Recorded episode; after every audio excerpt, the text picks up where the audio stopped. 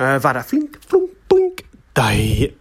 Hallo en welkom bij de Relatiemarketing Podcast. De enige podcast in Nederland die gaat over relatiemarketing. Marketing voor ZZP'ers en MKB. En vandaag hebben we, nou, toch wel een van de bekendste business coaches van Nederland misschien wel. Nico Oud. En Nico Oud is vooral gespecialiseerd in bedrijfsgroei, uh, hoe je je bedrijf beter maakt, hoe je als mens en uh, de balans kunt vinden tussen onderneming en, nou ja, als mens.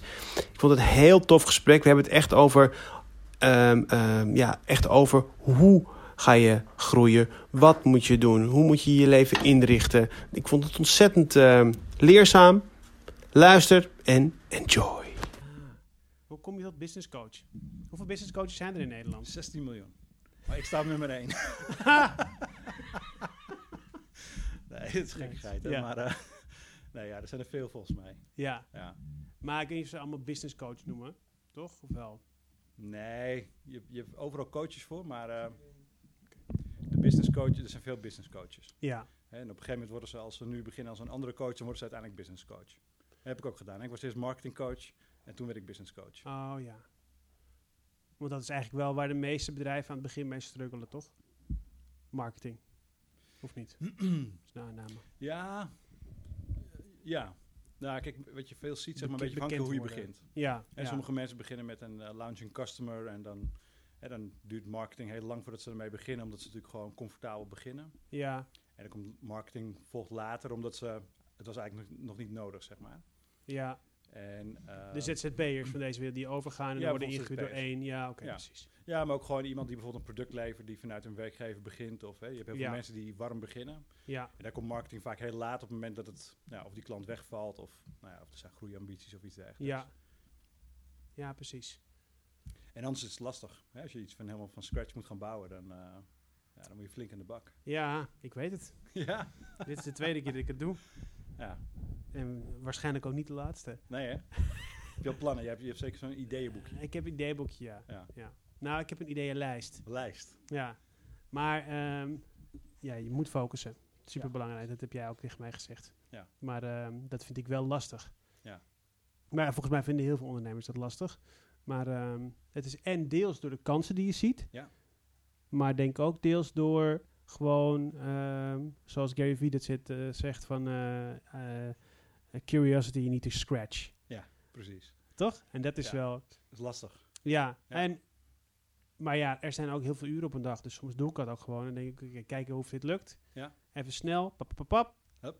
Lukt niet. lukt meestal ja. niet. Nee. En dan, uh, oké, okay, back to business. Met de normale dingen. Maar leer je er wel wat van. Oh, je leert er wel wat van. En je leert, en ja, en je leert ook gewoon dat niks makkelijk is. Ja. Tenminste, jij leest ook veel over ondernemers en, ja, uh, en, en, zaken doen en, en over hoe bedrijven ontstaan. En er zijn toch wel veel bedrijven die vaak wel met een, met een gelukje of warm inderdaad beginnen. En dat ja. dan zeggen ze, ja, ja, toen ging het gewoon lopen. Ja, ja dat heb ik nog nooit meegemaakt. Nee, zo makkelijk gaat het ook nooit af. ben ik altijd wel nou, het gaat steeds op. makkelijker, maar ik denk dat het meer komt omdat je meer ervaring krijgt. Ja, en je netwerk wordt groter. Ja. Of niet? Dus dat maakt het niet uit. Nou, het, het grappige is, um, ik had eigenlijk een heel groot netwerk toen ik mijn bedrijf verkocht, mijn internetbureau. Ja. En um, toen ik opnieuw begon, uh, is er eigenlijk niks uit mijn huidige netwerk gekomen. Oh. Echt niks. Ja, oh. wel, wel eh, koffietjes, ja. maar geen één opdracht. Dus alles kwam uit nieuw netwerk. Dus ondanks dat ik dacht dat ik een soort van warme start zou hebben, had ik geen warme start. Ah. Zelfs dat was me niet gegund. En uh, ah. ja, ik heb echt met toch? je te doen, Nico. Na de verkoop Ja. van je bedrijf kon je niet helemaal meteen weer Ja, een nieuw beginnen. Ja, dat was echt hard. Hoe lang duurde dat? Ehm, nou, ik Dus denk dat ik eh, binnen vier maandjes was ik gewoon weer... eh, Oh ja. Nee, nee, nee, dat, dat lieg ik trouwens. Ik denk drie maandjes. En maar ik ben gelijk doorgestart. Dus ik ben wel gelijk bezig gaan met marketing. En, wel- eh, is snel, drie maanden. ja, klopt. Nee, ik, had, eh, ik had mezelf een paar maandjes de tijd gegeven om echt even weer wat nieuws op te bouwen. Ik Ja. wist al ongeveer wat ik wilde gaan doen. Ik ben begonnen met marketing automation en e-mail marketing. Ja. En ehm, nou, ik ben eigenlijk begonnen met content marketing. Dus ik dacht van, weet je, ik heb nu gewoon tijd. Ja, Hè, toen ik mijn bureau ging bouwen, waren we ook voor veel- jezelf toch? Ja, voor mezelf. Ja, Ja, ja. En toen ik mijn eerste bureau had gebouwd, toen merkte ik al heel snel van, weet je, als je goede content hebt, ehm, nou, dan komen de leads ook binnen als je op pad bent. Hè, dat was een beetje het idee. Ja, en ook als je even geen geld hebt voor marketing, hè, want toen hadden we zeker heel vaak met cashflow te maken. Ja.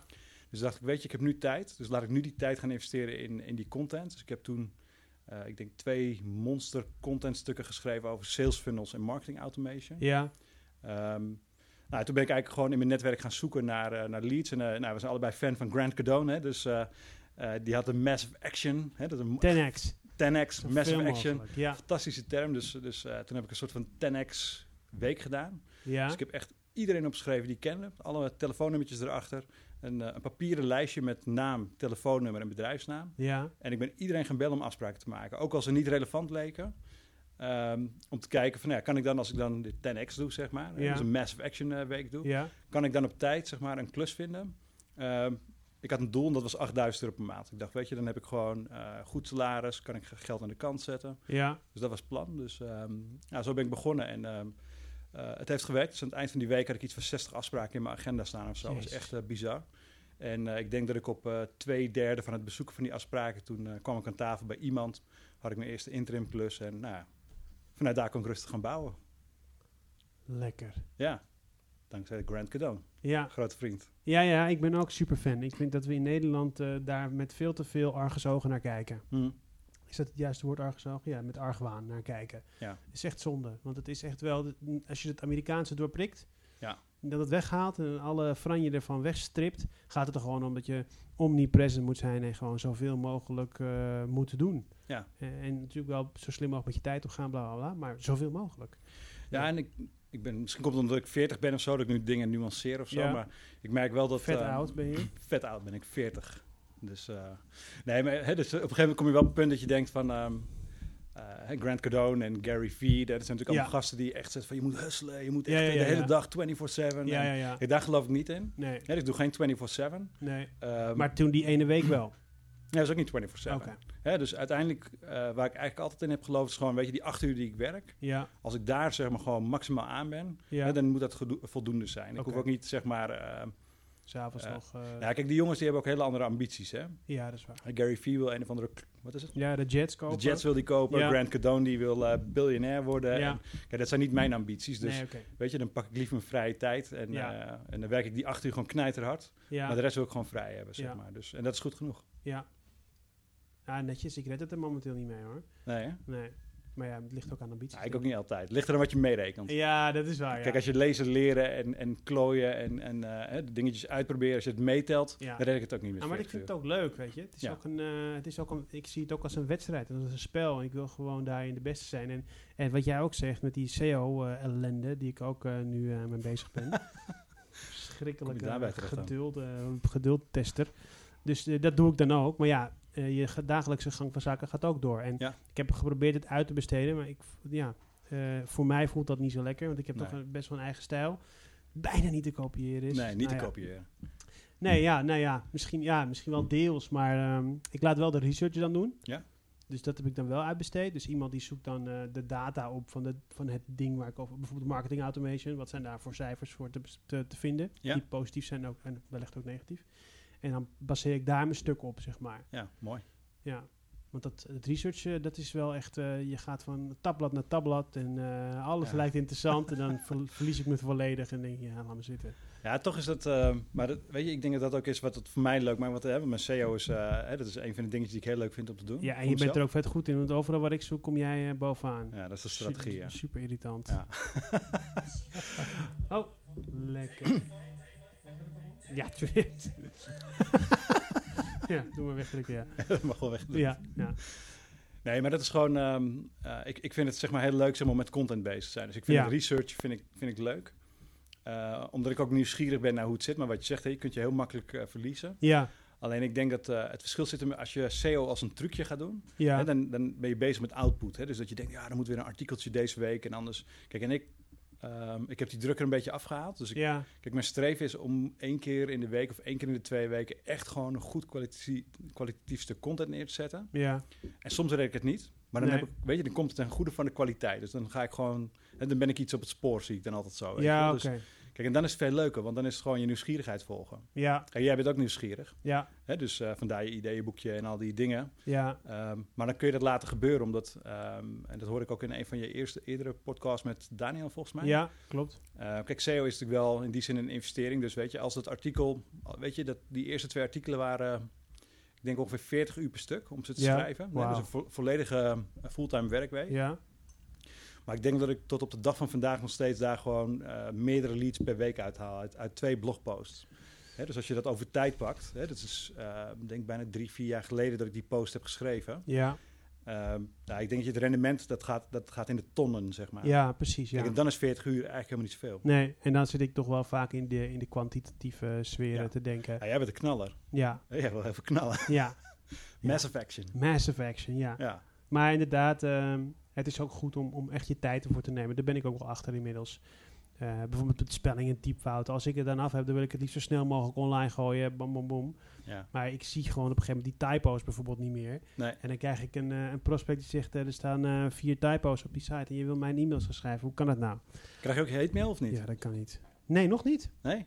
Ben er was een tijd dat ik echt heel veel hate mail kreeg. Ja? Jij Ja, ja. of zo? Van, ik was vroeger ook echt slecht in spelling. Oh, daar heet me voor. Oh ja, en ja. ik kreeg echt heel veel taalpuristen ik op mijn dak. En Ja. echt eh, ja, woedende mensen. Ja, mensen kunnen er echt En flippen. net geen doodsbedreiging. Zeg maar. Nee, Met ja, ja, van, zeg ja, maar. ja, ja, ja. Het is met DT! Het is detail. ja, belachelijk. Je vervuilt het internet, dat soort dingen. Ja. Ja. Ja, wauw. Ja. Ja, mensen kunnen daar heel erg, zijn daar heel gevoelig voor. Ja, dus, dus aan de ene kant denk ik, ja, jammer dan voor jullie. Maar ja, als het, me, als het de handel in de weg zit, dan, Ja. dus ik laat het nu keurig braaf checken. En dan nog uh, zit er dus... Ja, het is wel beter. tussen, maar het is wel beter. Het is wel ja, beter. het. Ja. Ja, ik had laatst zelfs een post, er stonden echt zoveel fouten in. Dat ik dacht, jezus, het lijkt wel dyslectische, dyslectische eh, halve uh, importfiguur die totaal niet op school heeft gezeten. Ja. Dus toen dacht ik, ja oké, dan moet wel eventjes iets rustiger aan. Maar ik krijg ook energie ervan, hè. Ja. Ik vind het ook heerlijk om gewoon lekker veel eruit te pompen. Dat, en dat geeft me gewoon adrenaline. Ja. En als het dan weer naar iemand toe moet en dan ben ik het al, is het voor mij alweer eigenlijk eh, Ja. geweest. ja, het is momentum eruit, hè? Ja. Ja, ik kan ook niet wachten tot het live staat. Nee. Alleen wat ik dan wel doe, zeg maar, is ik... ehm, en, en daar haal ik tegenwoordig mijn plezier uit. Ik, ik zorg dat ik het gewoon heel visueel maak, mijn content. Dus Ja, naast ja. tekst zorg ik dat er hele mooie visuele elementen zijn. Ja, En ja. dan, kan, ik- dan geniet ik er al van voordat het live is. Ja, Weet je, ik laat het nu wel checken. Dus dan wordt het helemaal op spelling gecheckt en eh, weet ik wat. ja. Eh, maar als het dan live staat, is echt gewoon eh, een momentje nog steeds.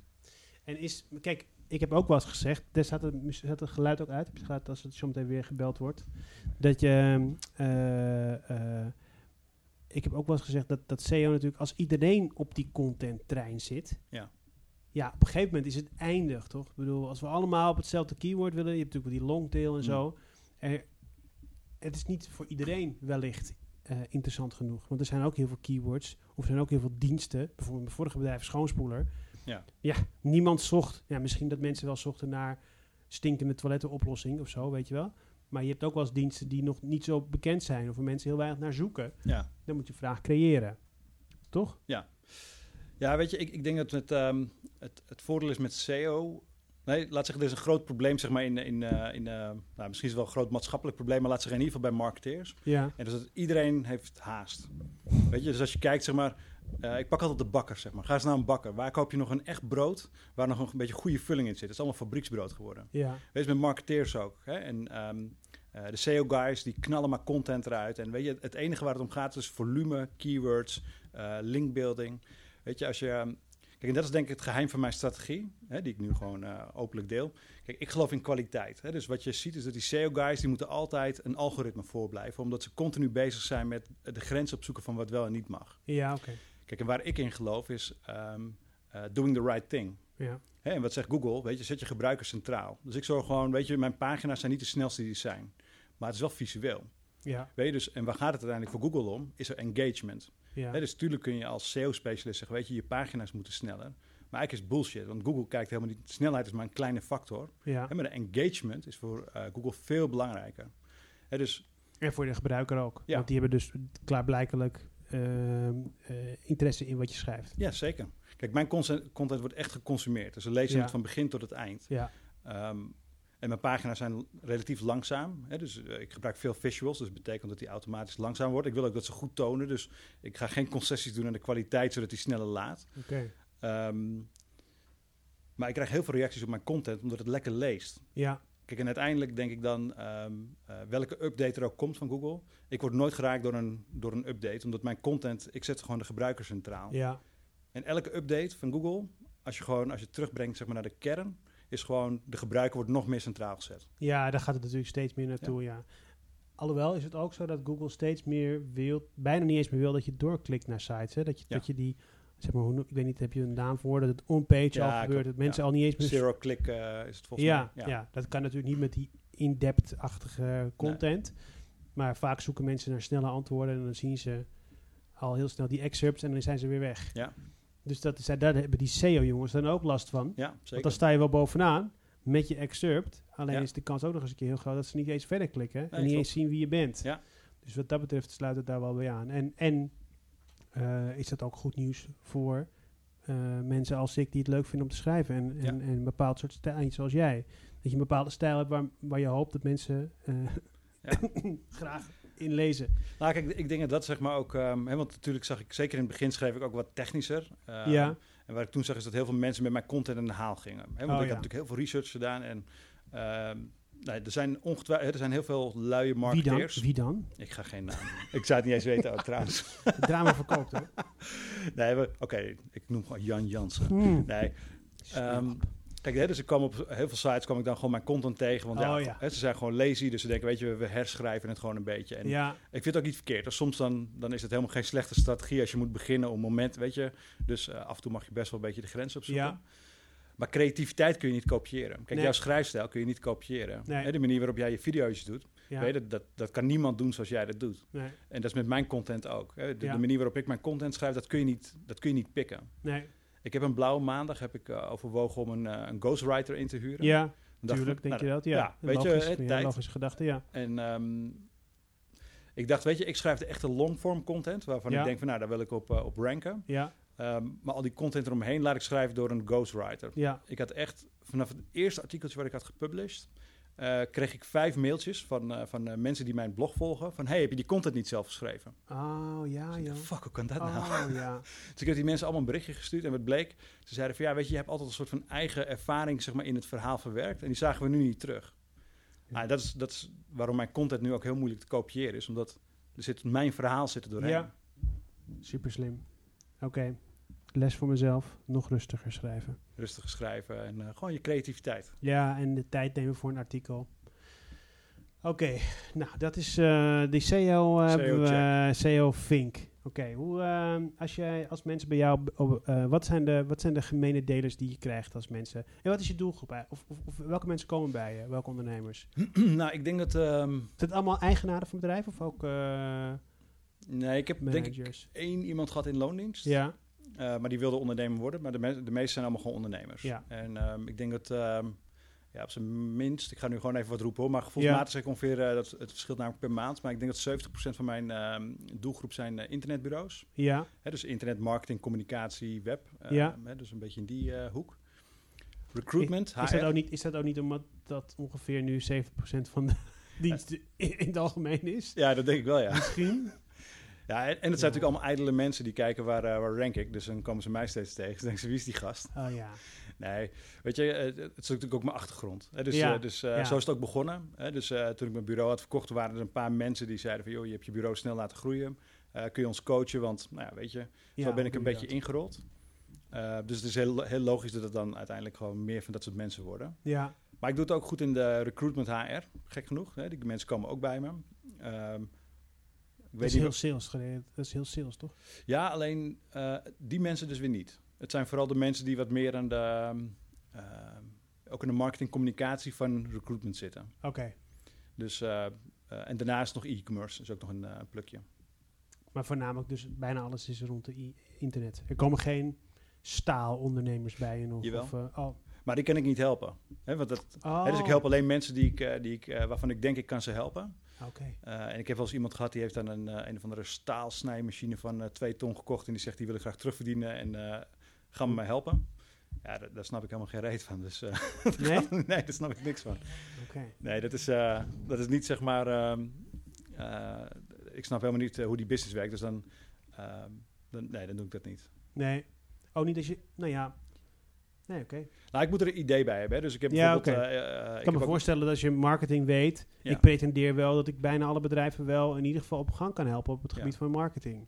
Ja, dus het, het, het onderscheid zit hem in. Snap ik hoe de markt werkt? Ja, Kijk, in een snijmachine, dan werk je met een doelgroep waar ik nog nooit mee heb gewerkt. ja, die helemaal niet op LinkedIn zitten. Ze zitten waarschijnlijk niet op Facebook. Weet Ze zijn de gasten die gewoon. Ja, dat is een heel ander type mens. Ja, ja. Dus ik snap niet hoe die mensen denken, hoe ze werken. Dus daar kan ik niet zoveel mee. Maar als, Nee, het- oké. als je richt op consumenten of, of op business to business, dan maakt het eigenlijk Dan niet zoveel meer. uit. Ja. Oké, en, en die komen dan met uitdagingen van eh, ik wil eh, sneller groeien of ik wil, eh, weet ik veel. Wat, het is meestal dat lijkt me. Of, of, of juist consolideren of ik wil meer rust in mijn hoofd. Dat, het is zo'n het is zo'n vaag begrip, toch, business coach? eh? ja, het is heel vaag. Ja. Dus, dus daarom is mijn, eh, mijn marketingstrategie ook zo breed. Omdat, ehm, kijk, soms gaat het over work-life balance. Hè. Dus iemand die eh, zijn grenzen snel overgaat. Hè. Dus die, die wil zeg maar eh, met me sparren over hoe zorg ik wel dat ik maximaal momentum kan bouwen zonder dat het ten koste gaat van nou ja, eh, privé, thuis, Ja, ja. gezondheid. Ja, Eh, maar ik heb ook mensen inderdaad die zeggen joh, ik wil een volgende stap maken. Veel freelancers ook, hè, dus die ja, zitten nu vol met werk. Dus die zeggen, hey, ik zit nu op mijn max. Ik heb nog een opdrachtgever. Ik kan nu heel makkelijk iemand aannemen en een bureau beginnen. ja. Ehm, nou, maar die hebben nooit personeel gehad. Dus die vragen ze dan af, ja, wat voor iemand moet ik gaan aannemen? Nooit doen Eh, natuurlijk. wanneer moet ik dat doen? En zeg ik altijd nooit doen. nee, dus, ehm, weet je, dus dat, dat vind ik heel interessant om dan te kijken van waarom wil iemand groeien? Ja, ja, ja. Ja, want Oh, gek zo, genoeg ja. zeggen mensen vaak... ehm, eh, nee, eerst komen ze vaak met een heel mooi sociaal antwoord. Ja, ja, Eh, en uiteindelijk komen, ze, komen we terug op geld. Ja. Dus dan ze, nou, dan ga ik meer geld verdienen. ja. En als we door gaan rekenen, dan ik denk dat ongeveer 50-50 eh, wordt er of meer geld verdiend of niet. ja. Ja, want vaak, Dus het begin zeker. Ja. Dat voordat je break-even bent met een nieuw personeelslid erbij. Ja. Afhankelijk van leeftijd en ervaring natuurlijk. Maar Ja. dat duurt wel weer eventjes. zeker. En ik denk dat dat ehm, een hele veelgemaakte fout is. Ja, dat het een soort van Pavlov-reactie is geworden van... hey, meer werk dan ik aan kan, dus poppetje erbij. ja. En dan Maar ik denk, ik denk wel dat, ehm, en dat zie je niet zo heel veel, dat eh, ZZP'ers Hm. Freelancers die, die gewoon voor een goed uurtarief zich weg kunnen zetten en verder en, en altijd werk hebben, dat die wel kunnen investeren in een soort van assistent of een soort van rechterhand. Ja. Weet je wel, waar je heel veel aan kwijt kan, Ja. maar waar je wel zelfleidend bent. Ik denk dat dat een hele goede manier is om nog te groeien. Ja, Zonder zeker. dat, en, en dat personeel is beter te vinden. Hè, want dat kan ook eh 50-jarige Gerda zijn die de hele leven bij de, bij de, bij de, bij de weet ik veel, bij het GAK heeft gewerkt, ik noem Ja. maar wat. Zeker. Want dat is niet zo ingewikkeld. Zeker als, als, als iemand goed ingewerkt is.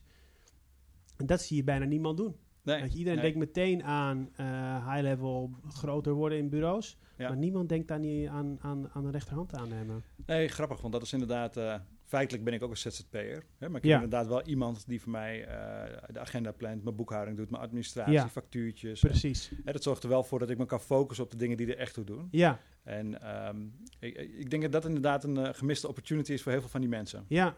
Ja, en ik denk ook dat als je, als je kijkt naar, dit, nu ga ik wel wat verder misschien, maar naar maatschappelijke, naar, naar de maatschappij is wanneer veel banen door algoritmes worden vervangen of door robots of weet ik veel, straks als je zelfrijdende auto's hebt, dat eh, veel minder hoogopgeleide mensen dit soort dingen, dit soort, dit soort eh, werk heel goed kunnen doen. Ja. Maar dat er heel veel wegvalt. Ik bedoel, als je kijkt nu naar de, naar de Albert Heijn of de alle, alle supermarkten, Ja. je hebt nog steeds cashiers, maar daarnaast staat de volgende stap al, hè? Die Ja. staat al klaar. Ja. Ik bedoel, dat de cashiers er nog zijn, is gewoon aardig van hun. Ja, sympathiek, ja. Sympathiek van, eh, van Albert Heijn, maar die, die zijn natuurlijk over twee jaar zijn die weg. Ja. McDonald's hetzelfde, weet je. Dus hebben ze hier nog één of twee achter de toonbank, maar de rest doen we allemaal zelf al. Ja. Dus daar gaat een, daar gaat een hele, hele ja, wat fascinerend is, laatst hoorde ik iemand, wat, eh, eh, ik, lees ik heb er ook veel over gelezen, ik dacht van ja, waar gaat het dan heen en, en wat zijn dan, welke mensen krijgen dan een klappen en wat gaat er dan gebeuren met de maatschappij?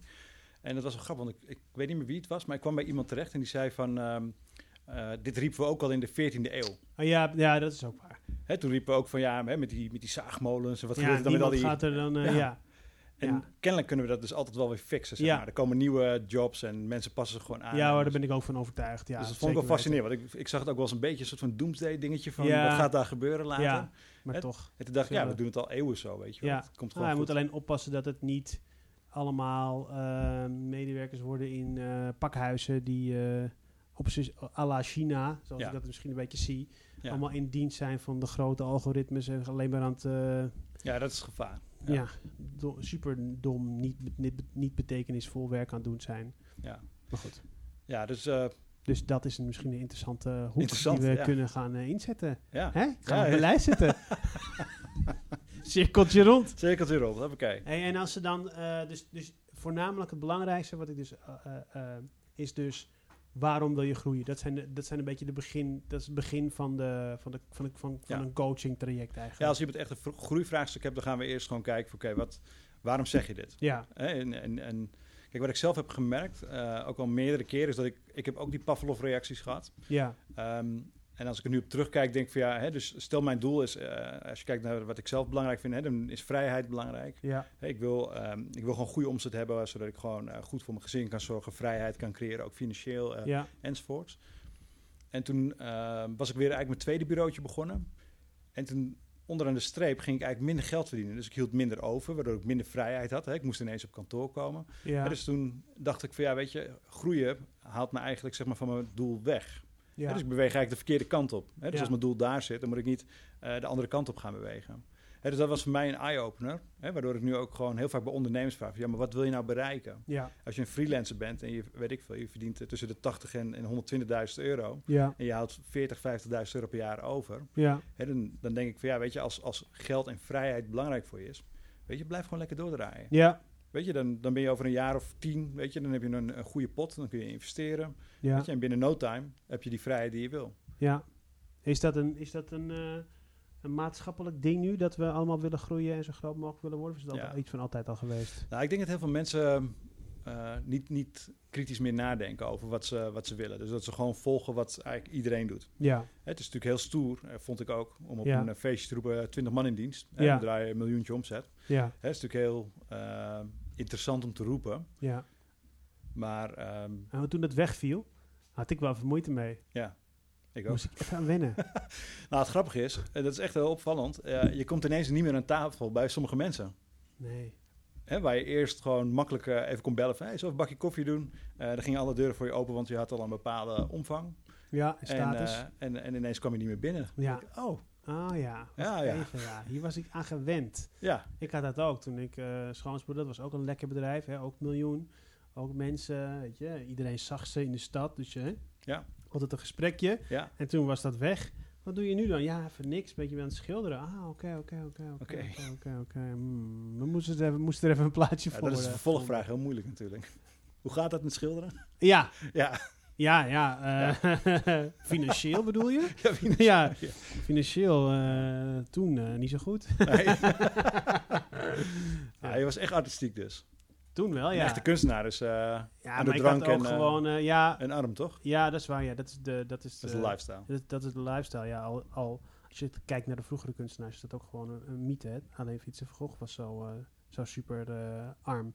Ja. Ja. in de middeleeuwen waren kunstenaars altijd gewoon, behoren tot de elite. Ja, hè? Maar ehm, dat is in de loop der jaren veranderd. Maar, Daarom zit ik ook bij deze podcast, hoor, omdat jij schildert. Ja? Ja, zeker. Ja, ja ik, denk ik, dat jij heb er nog te, ik heb er nog eentje te koop hoor. Ja? ja, Oh, tuurlijk. we straks even kijken. Ja, hoe is het dan?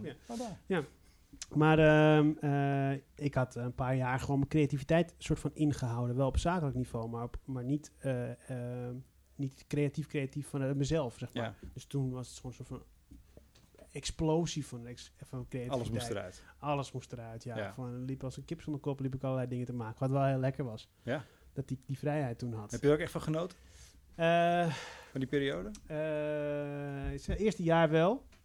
Maar het geld wat ik had was eindig. Ja. Dus dan ga je toch, ja, ga je toch nadenken. eh, hoe, hoe ga ik weer de volgende... Ik ga niet in loondienst, dat kan ik Nee. helemaal niet. Nee.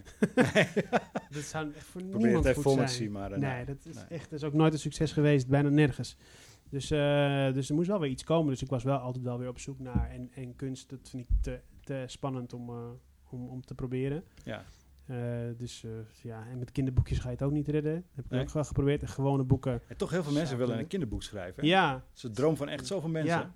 nou, ik heb er iets van. Zijn er nog mensen die geld verdienen of niet? Hoeveel heb je? Zes. Zes of zo, ja. Hoeveel heb je er verkocht? Nou, wel veel, maar voor dubbeltjes op Amazon. Dus Ja. dat eh, wat ik daaraan verdiende. Maar ehm, eh, kinderboeken kan je best wel, denk ik. Nou ja, zeg maar. Je kunt in Amerika, als je leuke kinderboekjes maakt, op zo'n eh, Kindle. Ja. Weet je wel, met die. Je hebt ze in het Engels geschreven. Nee, nee, nee. De, daar kan je best Vandaar wel. dat dubbeltjes of... eh, Ja, wellicht, ja. ja. Eh, ik had ze wel in het Spaans ook vertaald, dus ook ging Ja. natuurlijk weer all the way. Ja. Ook in het Engels, ja. Maar ehm, dan daar zou je er een minimaal bestaan van kunnen opbouwen, denk ik Ja. wel. Als je maar gewoon heel veel maakt en in een serie, weet je wel. Dus je, hebt- je hebt een Woesel en Pip-achtig iets. Ja. En het, het vindt langzaam tractie, dan kan je er wel uitbouwen. En ik had daar ook wel ideeën voor, weet je wel. Want Uiteraard. eh, ja. eh, het themapark eh, kun je altijd wel misschien eens doen. En met merken kun je samen gaan werken. Dus uiteindelijk denk ik dat je daar wel geld aan kan verdienen. Als je maar lang genoeg met één karakter of met Ja. één dingetje en het is leuk genoeg, dan zou dat wel kunnen. Maar dat kost bakken met tijd. Ja. En ehm, geduld. Geduld, ja. En dat is Even een dus goede iets- eigenschappen ja, die je... eh, en ik dacht ook bij mezelf, nou, als je dat dan wil, dan moet je ook, als ik dan mezelf als, of als, als ik een kinderboekschrijver als marketeerklant zou hebben, Hm. dan zou ik diegene ook vooral adviseren om eh, ja, cloud op te gaan bouwen. Dus ga naar de kinderdagverblijven. Ga gratis eh, eh, boekjes voorlezen en verkoop er daar twee en daar één. En bied je overal alles graag gratis. Ja, en dan dacht ik mezelf, dat ga ik echt niet doen. Dan ga Het je... is gewoon leuk om te tekenen en verhaaltjes te bedenken, maar Ja. om nou weer eh, Moet je voor een agent zo'n... hebben, eh, toch? Moet je een agent hebben. ja, of je moet een agent hebben. Ja. Maar ja, een agent die kan daar ook bijna nooit aan verdienen. Nee. Dus die gaat je ook niet helpen. Dus je moet alles zelf doen. Ja.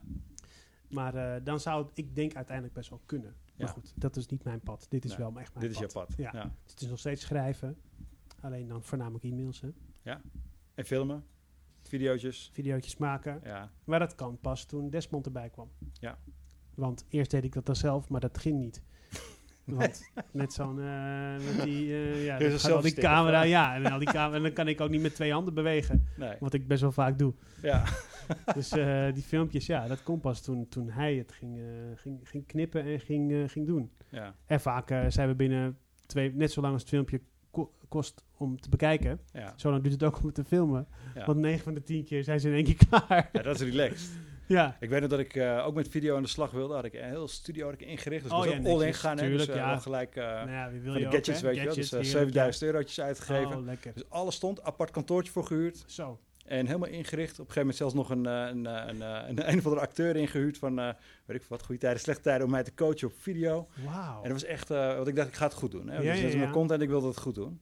Nou, en ik, op zich met hem erbij ging het ook wel goed. Ik stond daar gewoon voor die camera en het was wat oké. Ja. En ehm, ik weet nog dat hij weg was en ik was die eerste dag dat ik daar ging opnemen. Dus oké, dus eerst was ik al uur bezig om alle lichten weer aan te zetten en goed in te richten. En op een gegeven moment, oké, daar gaan we. Dus ik had, ehm, ik had zelfs een autocue. Jeetje. Wat En goed ja, het was echt, was echt goed voor elkaar. Ja, ja, ja. En eh, toen drukte ik op dat knopje en toen kreeg ik echt zo'n freeze. Zoep. Oh ja. Dat was even een momentje, oh fuck, even, even opnieuw. Ja.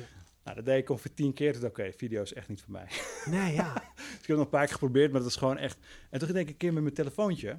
En dat ging wel. Oh, dat ging wel. Ja, maar het gaat om de hassel, zeg maar. De hassel dat je lampjes Ja, bezig bent oh, en ja, een schermpje ja. daar En en een moet ook super goed zijn. Ja, ja, Maar ik heb nog nooit videocontent voor jou gezien, of wel? nee.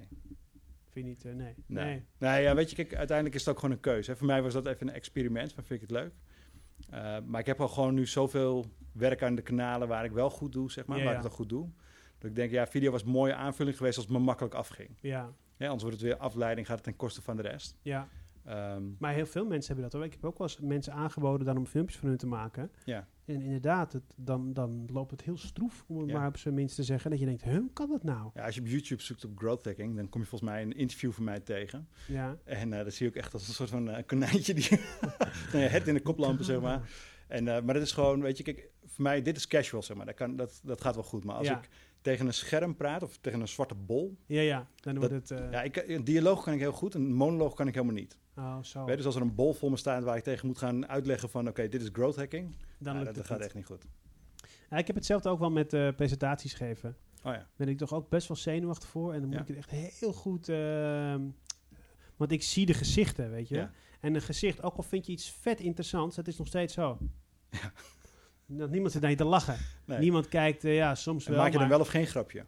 Ja, nou ja, precies. Ja, dan wel. Afbreukrisico. maar- ja, Ja. nou ja, grapjes, dat kan- ja, maar meestal zitten ze gewoon naar je zo naar je te kijken. Ja. Heb je dat ook wel eens als je je telefoon open doet en dat je dan per ongeluk naar jezelf zit te kijken, omdat hij nog op een selfie staat? Ja, ja. Dan, zit je dus, dan zie je dus jezelf kijken naar iets leuks, maar je hoofd ziet eruit alsof, je, alsof, je, alsof, er, een rug, eh, alsof er een mes in je rug zit.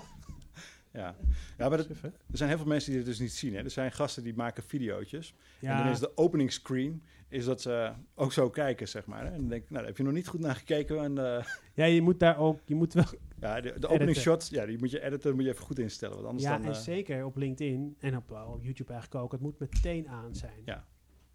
Wat vind je van al die... Want ik neem aan dat jij ook op eh, eh, YouTube getarget wordt.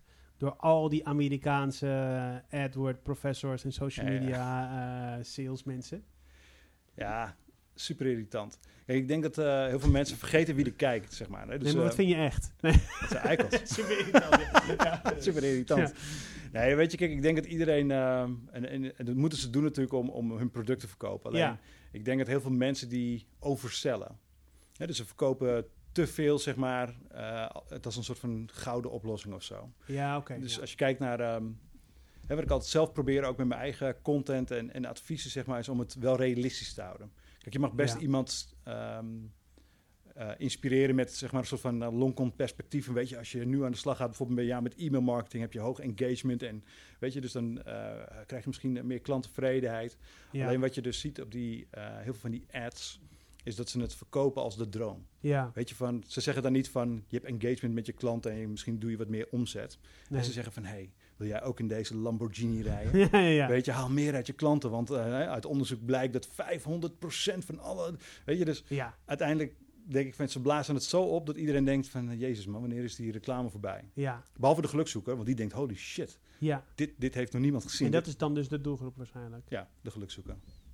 En die betalen dan die dingen. Maar wat me dus wel opvalt is dat... ehm, dat is dan misschien mijn eh lekenbrein, maar... ehm, het valt me dus wel op dat alle tussen haakjes... Dat, dat kost onwijs veel geld. Hm.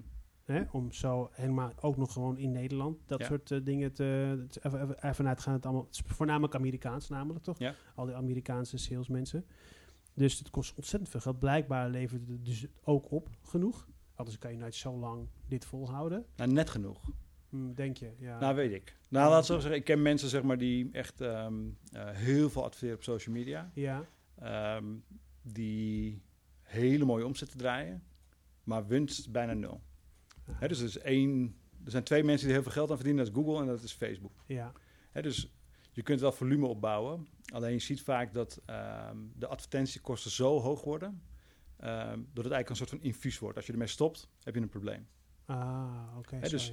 Dus eh, aan de buitenkant kun je het niet zien. Er zijn echt eh, zoveel mensen die ik achteraf eh, dan heb gehoord hoe het er echt voor stond, dat ik dacht, oh, aan de buitenkant lijkt het van die pompen echt miljoenen in, ja, eh, in ads. En Ja. dat is soms ook zo. ja, Alleen wel ten koste van de winst, waardoor ze soms gewoon misschien net break-even draaien. maar ja, aan de andere kant, als je dan die klanten hebt, of zijn Ja. het one-off producten dan? Nou, kijk, weet je, dus dat is het probleem. Eh, en dan kom je weer terug bij het eerste probleem. Ehm, en dat is, ze willen allemaal te snel. Hè, dus de producten zijn vaak niet, eh, de belofte wordt niet ingelost. Ah, zo. Hè, dus wat je ziet is dat heel veel van die, nou, ik, ik- we zeggen nu gelukzoekers, maar heel veel van die mensen die in het begin zitten van zo'n, eh, ja, ik noem het maar even een journey van, hè, dat ze bezig zijn met zelfontwikkeling en ondernemerschap en Ja, Ehm, die zoeken naar geluk, hè, want ze hopen dat er een, een, een makkelijke manier is. Weet je, hebben jij en ik vaak ook eh, vaak genoeg zoek, denk, gezocht denk ik, in het ja, verleden. ja, En dat doen zij ook. Ehm, alleen, het zijn die mensen. Ik denk, als je naar al die seminars zou gaan, dan zie je al die mensen. Dat is gewoon een kriekje wat gewoon continu beweegt van de ene coach of naar de ene AdWords Ah, specialist naar de andere Facebook. En ze blijven in dat wereldje, omdat ze niet snappen dat je gewoon... eh, moet werken. ja, je moet het werk gewoon doen, weet Ja. je. En het is moeilijk en het is eh, soms gewoon tijdrovend en het, het is, eh, weet je, dus je moet het, het is allemaal ook gewoon deal voor deal. Ja. Mens voor mens. Ja, precies. Je denkt dat er een, oké, ik ga nu Facebook marketing doen, ik zet er 10.000 euro in en, en mensen kopen op mijn website voor 20.000, maar dat is gewoon niet zo. Nee. Het is, blijft gewoon eh, moeilijk. Ja. Ja, nou, moeilijk, ja. In ieder geval niet makkelijk. Nee. Nee. nee, dus kijk, ik denk als je, ehm, hè, er zijn natuurlijk ook genoeg succesvolle voorbeelden hoor. Ja, Alleen, kijk, die hebben het werk erin gestopt. Alleen Ja. wat het probleem daar weer van vaak is, is dat ze hun eigen methodiek verkopen, maar dan juist weer ehm, de shortcut bieden, zeg maar. Want dat is wat verkoopt. Ik heb ooit een gezondheidsblog gehad, om even een ideetje te geven. En toen had ik, ehm, eh, toen, toen, dat leverde heel veel affiliate inkomsten op. dus ik had op een gegeven moment dacht, ik, weet je wat ik Oh, ga doen? Is ik ga een eh, soort van crash dieet maken. Hè, ik deed gewoon lekker mee met iedereen. Ik deed, maak een soort van crash dieet. ja. Zes weken ga ik je met e-mail ga ik je coachen en dan, eh, dan val je af. Nou, echt jongens, verkocht als een tierenlier. Hartstikke goed. lekker. Maar op een gegeven moment eh, begon het een beetje te, kreeg ik een beetje een soort van, ja, hoe moet je Ja, het ja, het voelde niet interne echt frictie of zo. Ik dacht, ja. En ik dacht, ik kwam er ook zelf steeds meer achter van, ja, weet je, het is eigenlijk gewoon, weet je, put in the work en dan komt het goed. Ja, Dus toen dacht ik, weet je, ik ga een nieuw programma maken en het heette het No Bullshit idee. Of eh, dieet. ja, ja, ja. Nou, ik heb het gelanceerd, jongen. Ik heb echt alles op alles gezet. Ik heb er niet één verkocht. Oh ja. Want dat was de waarheid. Weet je, de Ah. waarheid was, je moet hard werken, maar dat koopt niemand in een boek. Weet je, dus, dus Oh, ergens zit het hem ook gewoon in de mensen die het kopen. Ja, ja en, en daar, daaruit volgen kun je ook zeggen alle clickbait dingen. Ja, het, het- ik ben er zelf ook schuldig aan. Ja. Als je bijvoorbeeld naar een, een telegraaf gaat, je ziet precies welke dingen premium zijn, want dat Ja. zijn de meest dramatische koppen. Ja, Die wil je lezen. Die wil je lezen, Dat tenminste, dat wil je apenbrein, wil dat. Ik, het, ik het zit me geen reet wat Sylvie Meijs met haar leven doet. Maar blijkbaar als ik op telegraaf.nl zit en ik zie Sylvie Meijs eh, in een bikini, nou ja, ook, of, of gewoon gekleed. Ja, ik zou niet klikken. ze, Dan, dan wil ik alweer zien welke, welke, welke, welke man ze nu weer heeft. Dus op even, dat, wil, dat wil mijn monkey brain. Ik niet, maar dat zegt Nee. omdat Mielle luistert. Ja, ja, ja. Chef, wil jij misschien twee glaasjes water voor ons maken? ja, toch? Dorst hebben we? ja, ja. Dacht ik al, ja. Hey, en eh, oké, dus, dus mensen komen en dan vragen ze van de, van de groei. Eh, dan ga je eerst kijken, oké, maar waarom wil je groeien? Wat is de balans in je, in je dingen? Eh, hoe ze, en, nou oké, dat is dan vaak heel persoonlijk voor mensen. Stel, er zijn mensen zoals ik die eh, groei ook willen omdat ze het gewoon heel leuk vinden en, eh, en denken dat dat past bij het product wat je Ja. hebt. Eh, dan ga je zeg maar het, het schaalgebeuren doen. Ja, Hoe zeker. vlieg je dat aan? Ehm, nou, kijk, weet je, als je, als je gaat groeien, zeg maar, dan is dat belangrijk om, om ehm, ehm, te beginnen bij de klant, zeg maar. Om, om stil te staan bij wat maakt... eh, hè, dus bijvoorbeeld een belangrijke metric is van wat gaat zo'n klant opleveren. Ja, Hè, want je moet gewoon... Daar begint eigenlijk alles mee. Wat kun je investeren om ja, een klant te acquireren? ja, En dat kan... ehm, eigenlijk zou je uren ook mee moeten rekenen, maar dat wordt een hele moeilijke business case. ja, Ehm, maar de- laat zeggen dat stel je voor, je weet, hè, volgens mij is jouw abonnement is 2 25 2,25 per maand. per maand. Ja. Weet je, dus dan weet je wat een klant ongeveer per jaar oplevert. Ja. Nou, dan haal je je kosten vanaf en dan hou je een bepaalde marge over. Dankjewel. Thanks. Ehm, hè, die, is die marge hou je over. Nou, dan, dan, ehm, van die marge moet je natuurlijk nog wat dingetjes hier betalen. Nou, Ja. en op- onderaan de streep hou je iets over. En dat is wat je in principe zou kunnen uitgeven aan het acquireren van een klant. Ja. Nou, dan krijg je nog zeg maar de, eh, ik noem dat maar een soort van runway. Hè, dus je hebt een bepaalde pot met cash Ja, eh, op de bank staan waarmee je je kosten kan betalen. ja, Ehm, en het aantal maanden dat je kan draaien op die cash is je runway, zeg maar. Dus Ja, op het moment dat die afneemt, dan wordt je runway korter. En neemt die cash toe, dan wordt je runway langer. ja, dus je moet daar, en, en op basis daarvan kun je dus ook weer bepalen van... oké, hoe snel moet ik dat geld terugverdienen wat ik investeer in die campagne? ja, Ehm, ja, precies. kijk, en wij hebben ooit een, eh, ik heb ooit een hostingbedrijfje gebouwd. Ehm, en wat we wisten was van de gemiddelde klant blijft vier jaar in de hostingbranche. Als je het niet verkloot. Hoe kom je daar in godsnaam achteraan, dat soort, dat soort statistieken? Nou, het was een beetje cowboy-actie, dus ik heb gewoon met een aantal hosting mensen gesproken. En die zeiden, nee, nee, de klanten gaan eigenlijk nooit weg. Dus Nee, nee. weet je, die zeiden, weet je, twee, drie, vier, vijf. Sommigen blijven wel tien jaar, dus ik dacht, nou, Ja. pakken we vier. Ja, zo. Ehm, dus uiteindelijk hebben we, ik heb 1000 euro als een soort van startkapitaal. Want ik had toen niet heel veel cash, hè, want ik had best veel personeel. Dus nou ja, geld ging ook weer weg. Ja, ja, Hè, dus ik moest voorzichtig zijn met mijn cash. Dus Ja. eh, ik dacht 1000 euro eh, in AdWords budget. ja, Kijk, en ik wist gewoon, een gemiddelde klant levert ongeveer 350 tot 400 euro eh, in het eerste jaar op. En waarom voor 70% marge? oké, oké. Dus uiteindelijk wat ik heb gedaan is, ik heb gewoon vanuit ehm, de cashflow die ik genereerde vanuit die advertenties, ehm, ben ik de campagnes gaan vinden. En dan krijg je eigenlijk dat je gaat compounden. Hè, dus Ja. dat je zeg maar de winst steeds weer terug investeert. Ja, En die wordt steeds meer. Dus kunnen die campagnes kunnen groter. en met hosting is het natuurlijk een schaalbaar product. Zeker, hartstikke schaalbaar. Kijk, en in die tijd waren de meeste hostingbedrijven die zeiden van... joh, ik ga echt geen 5 euro voor een klik betalen. Weet je, ik dacht, het interesseert me geen reet. Al moet ik 100 euro betalen voor een sale. Ja, dat maakt mij echt geen reet uit, want ik weet dat ik hem terugverdien na een maand 7 of 8. Maar in de praktijk zag je dat de gemiddelde upgrade naar een, eh, een, eh, een, eh, VPS... was meestal na een maand of 6. Weet je, dan ging ze naar 105 euro per maand. Weet je, en, dan, en, en toen kwamen er ineens allemaal dingetjes bij... En, Kijk, en toen kon de kan je- marketingmachine open. ah, ja. Kijk, en dan kun je natuurlijk heel snel gaan, nou ja, gaan stapelen als het ware met Ja. je marketing gaan we budget. En dan met name gewoon betaalde markt. Betaalde Ja, gewoon 100% AdWords. 100% AdWords, wauw. Ja, het SEO was lastig. Hè, daar hadden we wel een trucje voor. Dus we hebben op een gegeven moment de domeinnaam magentohosting.nl gekocht. Oh ja, Maar die mag je niet gebruiken, want dat is een merknaam. En eh, dat wisten we niet. Nee, wel, grapje, wisten we wel. En, Wisten eh, we niet? nou, we wisten dat er een kans bestond dat we een brief zouden krijgen van Magenta van... hey, je mag die domeinnaam niet gebruiken. Ja. Maar daardoor konden we heel snel, want toen was de domeinnaam nog heel belangrijk... konden we heel Ah. snel op nummer 1 komen. En eh, ik denk dat het een maand of negen heeft geduurd voordat Magento een brief stuurde. Oh, lekker. Dus toen hebben we hem gewoon eh, meteen offline gehaald. Maar wel geredirect naar een nieuw domein. En die bleef gewoon op één staan. Ah, Ja, dat was natuurlijk fantastisch. En daarna konden we gewoon lekker eh à la Coolblue... onder een soort van overkoepelend brand... konden we gewoon lekker verder bouwen. Oh, slim. Dus En waarom heb je dat dan niet verkocht? Klinkt Nou, heerlijk namelijk. ja, toen was. Ja, ik, soms heb ik er nog wel spijt Ja, dat geloof ik, ja. ik ken dat. Nou, toen hadden we natuurlijk een, een bureau waar ik, weet ik veel, eh 18, 19 man had, zeg maar. En Ja. hosting was één poppetje. Oh, Eh, en wel, weet je, leuke omzet. Alleen, het mooie was, eh, die webshops, dat waren projecten tussen de, nou, wat zal het zijn, tussen de 25 en de, en de, en de 80.000 euro. Maar een hostingabonnementje was maar 35 euro per maand. Maar toch verkocht Ja. ik liever het abonnementje. ja, tuurlijk. was ik echt blij. Dacht, oh, we hebben er weer ken verkocht, weet je wel. Ja. Dus ehm, ja, uiteindelijk is het, eh, had ik het misschien moeten houden. Maar goed, ik was toen toch al op het pad van ik wil wat nieuws gaan doen. Dus, Bovendien eh, is hosting ook, het is natuurlijk ook nooit zo makkelijk als het lijkt. Nee. Hè, want je hebt natuurlijk heel veel vragen, je moet een goede support hebben, je hebt natuurlijk allerlei dingen die mis kunnen gaan. Ik zit dan zelf bij uh, TransIP. Nou, Ja. ik hang wel eh, twee keer per week aan de lijn omdat ik weer iets niet snap. Ja. En, eh, en dat wil je natuurlijk ook eigenlijk niet. Nee.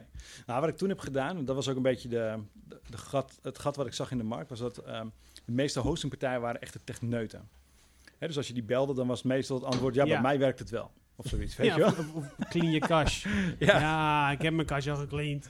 Dus wat had ik gedaan? Ik had gewoon, ehm eh, kwam heel toevallig kwam er een jongen op mijn pad die, eh, die zorg studeerde, maar toevallig veel wist van hosting.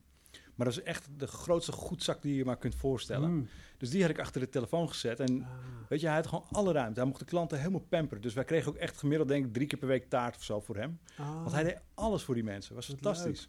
Een soort access for achtige Ja, bijna wel, ja. Hij zat ook altijd met zijn pootje op tafel. Weet je, net alsof hij aan een soort van zorglijn zat, weet je. Zat hij gewoon lekker te kletsen met mensen van hoe was je En weekend? nu control alt delete. Ja. ja, dat was echt fantastisch. Dus eh, eh, kijk, en dan is support helemaal niet zo erg. Nee, oké. Maar Ja. ja, als jij in één keer duizend klanten hebt, dan moet je ook weer eh, tien van die Nee, poppetjes tuurlijk. neerzetten, Ja. toch? Dus en dan wordt het lastiger. Ja, En dat zag ik ook wel, dus daarom... ja, Ja, was ook- ook Ja, goed is moment nooit- om, eh, niks, is, nee. niks is ooit makkelijk. Nee. Toch, als ik wel eens dan met, met, met, wat ondernemers praat die een groter bedrijf hebben, dan denk je, nou, die zit al lekker daar, of dat die zit al helemaal geramd. En hè, na de eer- na de eerste twee biertjes is het ook zo. Ja. En na biertje vijf, dan pas komen alle ellendige dingen op de Ja, je, zeker, Oh, ja. jeetje, mina, wat een ellende. Ja, ja, zeker. Toch? Dat is dus, dus het, het lijkt allemaal zo mooi allemaal, maar uh, dat is natuurlijk nooit zo makkelijk. Dus oké, okay, dan ga je dus dat schalen en dan ga je dus kijken. Uh, nou, dat, dat AdWords is dus een heel mooi idee van hoe je dus een, een bedrijf kan schalen. Maar dan, dan schaal je voornamelijk vanuit financieel oogpunt. Ik heb ook wel eens bij, um, of vanuit, financieel, vanuit, vanuit een financiële basis ben je dan aan het schalen, Ja. wat jij net noemt. Maar uh, ik ben ook wel eens bij uh, Michael Pelagic, uh, zo'n Ja. bootcamp, business bootcamp, twee dagen geweest. Waar Dan Peña toen kwam. Ja. Ging alleen Ja. voor Dan Peña overigens. Ja. En daar zat Arco van Brekel. Dat is de financiële man van Michael Pelagic. Arco van Brekel volgens mij. En die uh, vertelde hoe ze Picnic aan het financieren waren. Oh, ja, Ah, fantastisch. dat is wel weer Ja. ook even next level. Want daar gaat zoveel geld. Dus die maken natuurlijk helemaal 0 euro winst. Ja, gaat zoveel geld in. Maar dat, dat wordt dan helemaal van tevoren, vijf jaren plan of zo. Na vijf Ja. jaar moet het break-even zijn pas. ja. Eh, en dan pas kunnen ze gaan... Ah, weet je, volgens mij, ik, ik weet bijna zeker dat zeg maar diezelfde founder, eh, Ja. even, hoe, heet- oh, ik kom even niet op zijn ja. Michiel... Michiel Muller. Muller, ja. Dat die de eerste is geweest die, die ervoor zorgde dat ik cijfers begon te snappen. Ah, Want ik heb een presentatie van hem gezien in, Ja. ehm, ergens bij een ondernemersvereniging of zo. En daar legde hij dus uit hoe die, eh dat Roetmobiel is begonnen. En Ja. Thank You, Thank You is dat van hem? Tango. Tango. Ja, Hoe die dat Tango was begonnen en hoe die dat dus eh, dat cashflow spel had gebruikt zeg maar om uiteindelijk die tankstations te financieren. Nou, dat was echt het moment dat ik snapte. Kijk, vroeger was ik echt slecht in rekenen en in wiskunde, Ja. want dat vond ik gewoon niet interessant. nee, Ik dacht, je hebt toch een rekensom? ja. Hè, rekenmachine, je Ja, kunt ja, gewoon ja. uitrekenen, wat is het nou? Casio. Alle jaren Casio, inderdaad. Weet je, maar door, ehm, door hem begon ik te snappen van... wow, die gast heeft gewoon, weet ik wel, een imperium gebouwd... door gewoon met cash te spelen. Dus dat is eigenlijk het moment geweest dat ik eigenlijk zelf ook veel meer ben gaan nadenken... van wat kun je eigenlijk met cash doen, zeg maar. Ah. Het is die hosting, daar was ik eigenlijk al mee begonnen... dus dat was onbewust bekwaam. Maar nu, en, en later ben ik het dus echt heel gericht... zeg maar, zijn denkwijze gaan gebruiken oké, hoe kunnen we aan de inkoopkant... hoe kunnen we met... Hè, hoe kun je spelen met de cijfers om ervoor te zorgen dat je eigenlijk uiteindelijk zo min mogelijk risico loopt En groeit. en groeit. Ja, als dat een doel is. Ja, Maar Tango zelf was natuurlijk al super. Was, was natuurlijk al, zij, omdat zij de eerste waren die digitale prijzen konden aanbieden. ja, Dat ze daardoor goedkoper waren. Simpel, dus, dus dat was ook al centenwerk. ja. Daardoor veroverden ze zoveel marktaandeel toen, zo snel. Ja. Want ze sneller konden handelen dan de ouderwetse ja spelers. klopt. Ja, en Roetmobiel vind ik helemaal een prachtig voorbeeld van disrupt. Ja. Dat is niet normaal. Ja, maar dat is ook de, de ultieme status, vind ik, als je dan als ondernemer, zo'n ondernemer, dat je gewoon Ja. weet, als hij in de markt komt, hebben we een Dan probleem. heb je echt een probleem. Ja. Ja, hij heeft het niet gelukt met huizen, hè? Nee. Het is niet gelukt. Maar goed, het maakt niks uit. Hij heeft nog steeds wel een Ja. serieuze reputatie. Hij heeft Ja. een serieuze reputatie, ja. En Picnic ook. En hij zit er ook wel lang in, het Picnic. Ik denk dat hij dat ook wel onderschat heeft, hoe moeilijk dat is. ja, Supermarkt. eh, maar hij heeft geduld, denk ik. Ja, hij heeft wel meer geduld dan ik in ieder geval. Nou ja, Ja, misschien ook niet. Maar eh, nee, inderdaad. eh, dus dus, dus dat, dat is dus op een financiële manier. Dat zou je ook aanbevelen, eigenlijk iedereen. Dus als je wil groeien, check hoe wat kost een nieuwe klant. Ja. Hoeveel tijd moet je ervoor... Wat Grant Cardone deed, waar, waar ik wel veel over nadenk de laatste tijd, is... ehm, hij zegt, je moet gewoon duizend producten hebben om te verkopen. Dat iedereen die je aan de telefoon hebt, dat je wat kan verkopen. Ja. Hij kan niet overal met hem eens zijn. Nee, Nee, gelukkig maar, want daardoor was ik weer aan twijfelen geslagen. nee. Want daardoor ben je ook zo. eh, ik zou dat namelijk wel kunnen. Ja. Hè? Als jij. ehm, ik, ik doe dat namelijk ook via de markt. Dus als je personeel zoekt, kan ik Ja. echt wel hele leuke advertenties gaan bedenken. Waardoor we personeel los kunnen gaan weken bij jouw concurrent. Ja. Ik kan namelijk targeten op LinkedIn naar projectmanagers in de zorg. Ja. Of eh, eh, eh, weet ik veel, Ja. PHP-programmeurs in Roemenië. Ja. Weet ik veel. Dat kan, dat kun je allemaal. Als je het maar creatief genoeg doet en Ja. lang genoeg volhoudt, dan gaan we dat, redden- gaan we dat Zeker. redden. Ja. Ik heb nu voor mijn huidige klant, die zoekt rio- rioleringsmensen, Ja. vakmensen, technisch personeel. Nou, niemand lukt het. We hebben gewoon 10 leads per week. Ja. Ja, dat is niet allemaal even goed, maar dat, dat is... En voor veel minder dan een, eh, nationale vacatureboard eh ding Ja. is. Maar goed, om, dat, om eh, een voorbeeld te noemen. Dus dat zou je allemaal kunnen gaan. Dus dan denk ik, oké, als ik dat voor hem kan doen, Ja. kan ik dat voor alle technische bedrijven Ja. gaan doen. Ik ga ze bellen. Ja. Maar dat moet ik niet doen. nee. Nee, nee nou, kijk, weet je, ik geloof heel erg in... ehm, kijk, je hebt twee... Je kunt inderdaad zeggen van, weet je, we gaan duizend producten maken. Hm. En maar hoeveel aandacht en liefde kun je in één product steken? Ja, Kijk, en dan kom je denk ik meer op het purpose. Hè? Dus wie, ben je, wie wil je zelf zijn? ja. Ehm, kijk, ik heb ooit een keer, eh, er was ook zo'n auteur en ik vond het wel interessant, want iemand zei tegen mij van, ehm, eh, die vroeg mij, wil je wel, zou je een boek willen schrijven? Zeg ik, nou weet je, het staat al de hele tijd op mijn bucketlist. Ja, Eh, het komt er eigenlijk nooit van. En die vertelde mij dus dat in die auteur die best wel een aantal bestsellers had geschreven, dat hij zichzelf niet afvroeg hoe hij het volgende boek moest schrijven, maar wie zijn volgende boek moest schrijven. Dus hij schreef ze nooit zelf. En hij had inmiddels, weet ik wat, 80 boeken uitgegeven of zo. Dus ik dacht, ik ga een keer zo'n boek van hem kopen. Maar het was gewoon shitty kwaliteit. Ah, toch Want wel. uiteindelijk eh, Zo heeft dummies-achtige dingen. Ja, nou, wat hij dus eigenlijk heeft gedaan, is hij gewoon een ghostwriter ingehuurd. En hij Ja. zegt, nou, dit is mijn topic. Het gaat over, weet ik wat, investeren. Ehm, dit zijn de blogs die je moet volgen. Dus wat krijg je? Je krijgt gewoon een bundel van blogs. Nou ja. Weet je, maar, maar dat maakt geen boek. Nee. Je kunt er wel een koffer omheen doen, maar eigenlijk is het gewoon meer een flapje om een paar artikelen heen. Ja. Ja. Dus ehm, ongetwijfeld kun je er geld mee verdienen, maar is het zeg maar wie je als ondernemer wil zijn? Dat kun je nooit verkopen, want het is gewoon een shitty product. ja. Weet je, mensen zullen je nooit prijzen om, om nou ja, het product wat je hebt geleverd. Ja. En Nee, misschien precies. wel, misschien is het voor iemand wel handig, maar Ja. nou ja, wie wil je zijn? Ja. Ja. En waar wil je aan verbinden? En, eh, Ja. en focus is toch wel belangrijk, toch? Of niet? Mhm. Dat zie je bij veel ondernemers. Zeker veel startende ondernemers die ik ben tegengekomen. Want ik ben twee jaar geleden weer opnieuw begonnen. Zat Ja. ik in zo'n zaaitraject van de gemeente Amstelveen. Heb ik Ja. ontzettend veel aan gehad. was hartstikke leuk.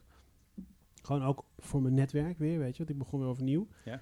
En dan zie je toch ook wel dat het... Ook al waren sommige mensen al één of twee jaar bezig...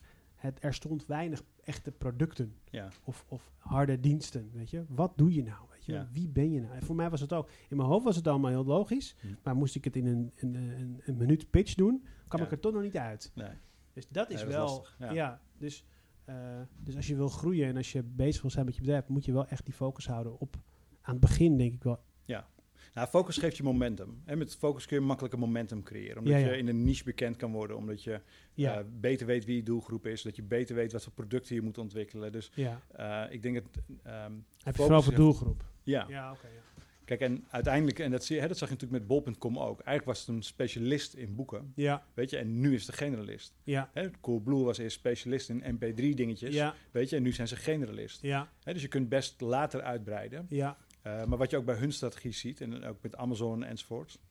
Ze doen eerst één ding heel goed ja, in de niche. En daarna gaat het als een soort van olievlek, breiden ze het uit. Ah, Weet je, dus in ja, plaats ja. van dat je gaat proberen om tien konijnen in één keer te vangen, kun je beter gewoon iedere keer één konijn pakken. Hè, dan Ja. heb je er misschien drie Ja, uiteindelijk. ja. Weet je, anders heb je er geen één. Nee, nee, nee. Oké, dus wat Ja. je ziet is dat zeg maar zo'n, hè, ze worden eerst heel dominant in één domein en daarna komt er een domeintje bij en nog een domeintje en dan word je generalist. Snap ik. Dus om eventjes, omdat het toch mijn eigen podcast is, Je mag vragen wat je wil. vraag ik het gewoon.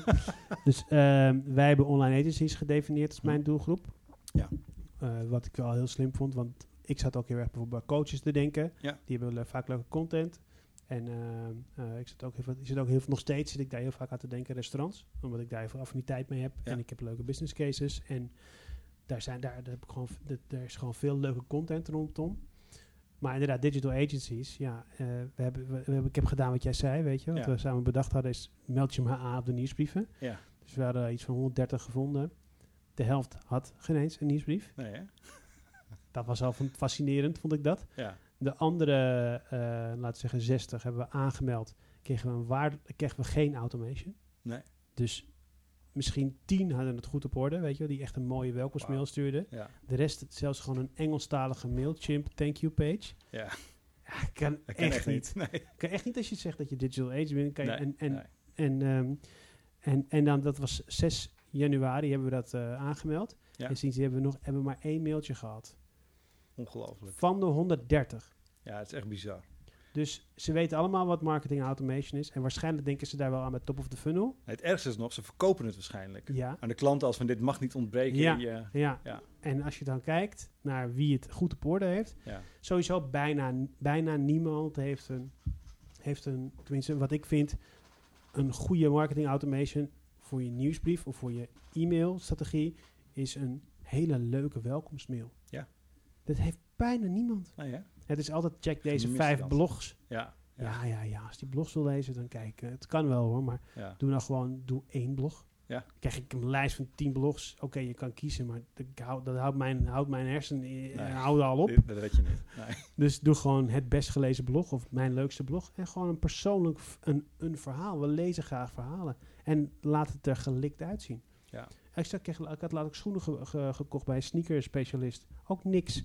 Nee. Helemaal geen achtergrondinformatie van wie het team is. Dus ik krijg nu, het is nu gewoon een winkeltje. Terwijl ik weet zeker dat er zitten freaks achter. Ja. Die hebben hartstikke leuke verhalen. Ja. Laat je eigen schoenenkast zien. Weet je, laat dat je eerste schoen zien waar je waardoor je verliefd bent geworden op sneakers. Ja. Dat soort dingen. Dat willen we zien. Ja, maar ik denk dat dat ook is eh, wat, eh, wat veel ontbreekt. Hè? Dus het is de snelheid weer. Dus Ja. ze doen het niet, ook al weten ze dat het goed is. Ja, Ze nemen de tijd niet. Ehm, en ik, volgens mij zijn ze er helemaal niet zo mee bezig. Want uiteindelijk waren het, hè, daar hebben we natuurlijk ook wel discussies over gehad. Kijk, ik denk dat branding zeg maar de next big thing in marketing is.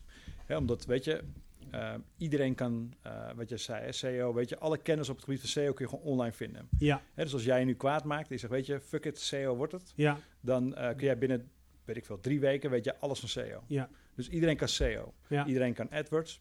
Eh, zelfs mijn vak, dus alle, al mijn kennis, is gewoon Ja. online te vinden. Ja. Hè, dat draag ik zelf aan bij, maar ook heel veel anderen. ja. Je kunt je nooit meer onderscheiden op, op alleen maar het product of alleen maar Nee. je kennis. Nee, Dus waar kun je onderscheiden? ja, Brand. ja, Weet je, mijn story, mijn personal story. Ja. Dat is wat mensen op aanhaken. Dat zeggen, weet je, ik, ik zag dat dingetje voorbij komen over whatever. Ja, En dat vonden ze sympathiek, of ze vonden het interessant, of ze vonden het een, een interessante learning. Of, weet je, en dat zorgt ervoor dat mensen eh, mijn content allemaal lezen. ja, Hè, en dat ze continu terug blijven komen. En op Ja. het moment dat ze bij mij aan tafel zitten, hoef ik eigenlijk niet meer uit te leggen van, weet je, eh, ik ben Nico, ik ben een business coach. En weet je, dat hebben ze allemaal al een keer gezien. ja. Ik van die, van die ruggen, die had ik eh, al gelezen. Heb je al gelezen? hè? Ja. ja, mooi is dat. Ja, Nee, maar dat is, toch, dat is toch gewoon mooi. Dus mensen weten al een klein beetje wie ze tegenover zich krijgen. ja, eh, op het moment dat ze die afspraak maken om gewoon eens een keer kennis te maken. ja. Weet je, dat, dat en dan weten ze mooi. eigenlijk al, dan willen ze alleen nog maar die assurance Ja, dat je, eh, dat je zegt wie je bent. Ja. Of dat je, nee, dat je blijkt te zijn wie je zegt dat je bent. klopt. Eh, Ja. En als je dat dan bent en er is inderdaad een klik, dan zijn ze eigenlijk al binnen. Nou ja, dus, dus heel veel mensen zeggen het ook expliciet. Hè. Sommigen die denken het misschien, maar ik heb heel veel mensen die... En dan vraag ik aan het eind, zeggen ze wel eens van... Nou, oké, hoe werkt zo'n traject? En leg ik het ze uit, wat de kosten zijn. En dan zeg ik van, nou, wat, eh, wat wil je doen? Wil je, eh, en dan, dan zegt ze, wat is de volgende stap? Ik zeg, ja, zeg het maar. Ja, Dan zegt ze, ja, ik had al lang besloten dat ik zou gaan beginnen. Hoor. ja, Dus, ja, ja. dus, en dat, dat is natuurlijk heel mooi. Want dat betekent dus... Hè, want iedereen heeft het over funnels. En ik heb zelf heel lang funnels gemaakt. ja, Ehm, maar uiteindelijk is funnel niks anders dan een soort van awareness creëren. En soms is het Brand ook. en branding. Ja, Weet je, de tone of voice. vooral. Ja. Kijk, mensen, mensen herkennen mijn blogbericht zonder dat ze mijn, eh, mijn fotootje erbij zien. Of gewoon door mijn schrijfstijl, door eh, hoe ik mijn content opbouw. Ja. Dus ehm, weet je, en als mensen er bij me komen, dan, dan is dat een goede match met hoe ik in het echt ben. Dus het is niet zo dat ik heel informeel schrijf, maar heel formeel ben of Nee. andersom. Ja, dus mensen krijgen wat ze verwachten dat ze krijgen. ja. Kijk, ja. en dan, ja, weet je, dan is, dan En is dat kun je dus, dat, dat, dat idee, dus dat wat branding is, die propositie, dat kun je dus op ieder bedrijf leggen. Elk Ja, administratiekantoor, elke energieleverancier. Alleen denk ik dat heel veel mensen een beetje angstig zijn ja. om, eh, om een doelgroep te kiezen of een propositie te kiezen. eh, omdat ze daarmee bang zijn dat ze bepaalde doelgroepen links laten liggen. Maar, ja, Ja. Als je, maar goed, wij weten, als je niet kiest, ja, maar kijk, ja, ik geloof dat is wel een alternatief. Hè, dus eh, kijk, het is mooi als je een niche kan kiezen, omdat je daar goede redenen voor hebt om een niche te kiezen. Eh, maar ik heb bijvoorbeeld heel lang juist geen niche gekozen. Die is gewoon ontstaan. ja oké. Dus je kunt een aantal dingen centraal zetten. Je kunt een niche centraal zetten. Dus je kiest een niche, is bijvoorbeeld eh, eh, e-mail marketing. Ja, Ehm, of je kunt de doelgroep centraal zetten. En dat is bijvoorbeeld agency. Het mooiste is als je allebei goed voor de bril hebt. ja, Maar als je het niet weet, of als je, als je keuze niet rationeel is, dus dat je gewoon denkt, nou ja, laten we dan maar een niche kiezen. ja, Ja, dan kun je beter zeggen, weet je, we zetten gewoon de expertise centraal. En we gaan gewoon kijken wie hapt erop. Hè, dat is ook gewoon een strategie. ja, maar dan maar wie hapt erop, dan moet je wel gaan adverteren. En die adverteren moet, moet, moet je wel richting een bepaald soort doelgroep doen, toch? Kan. Want wie hapt er? Nou ja, weet je, kijk, In uiteindelijk... deze, in, ik denk dat het grootste probleem is dat mensen je niet kennen. Dus, en dan zal er ook niet gehapt worden, toch? Nou, kijk, weet je, de meeste campagnes worden eerst heel breed ingezet. Oké. Hè, zo, begint, zo beginnen heel veel campagnes. Als je de, eh, zeker als je begint, hè, of met een nieuwe dienst, of je begint Ja. als ondernemer, dan begin je vaak heel breed, omdat je nog niet heel specifiek weet wie je doelgroep is. Oké. Dat is ook heel lastig. Ja.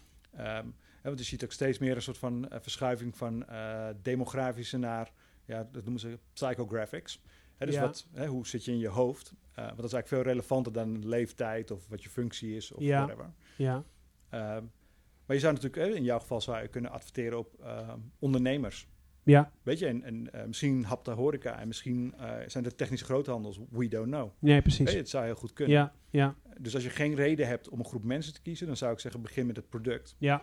En zorg Ja. dat je gewoon specialist wordt en kijk wat er op je afkomt. Maar dan product pos- positioneer je natuurlijk wel op een bepaalde manier. Bij mij is het tutoyerend. Hm.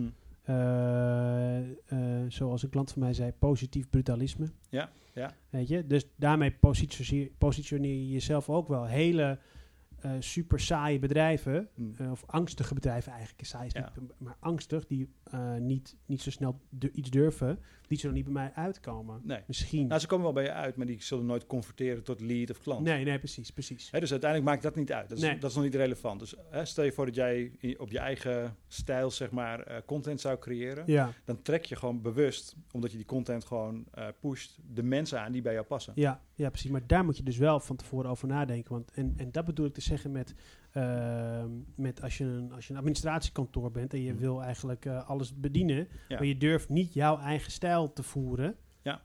Want, Nee, en precies, dus ga je maar super formeel. Ja.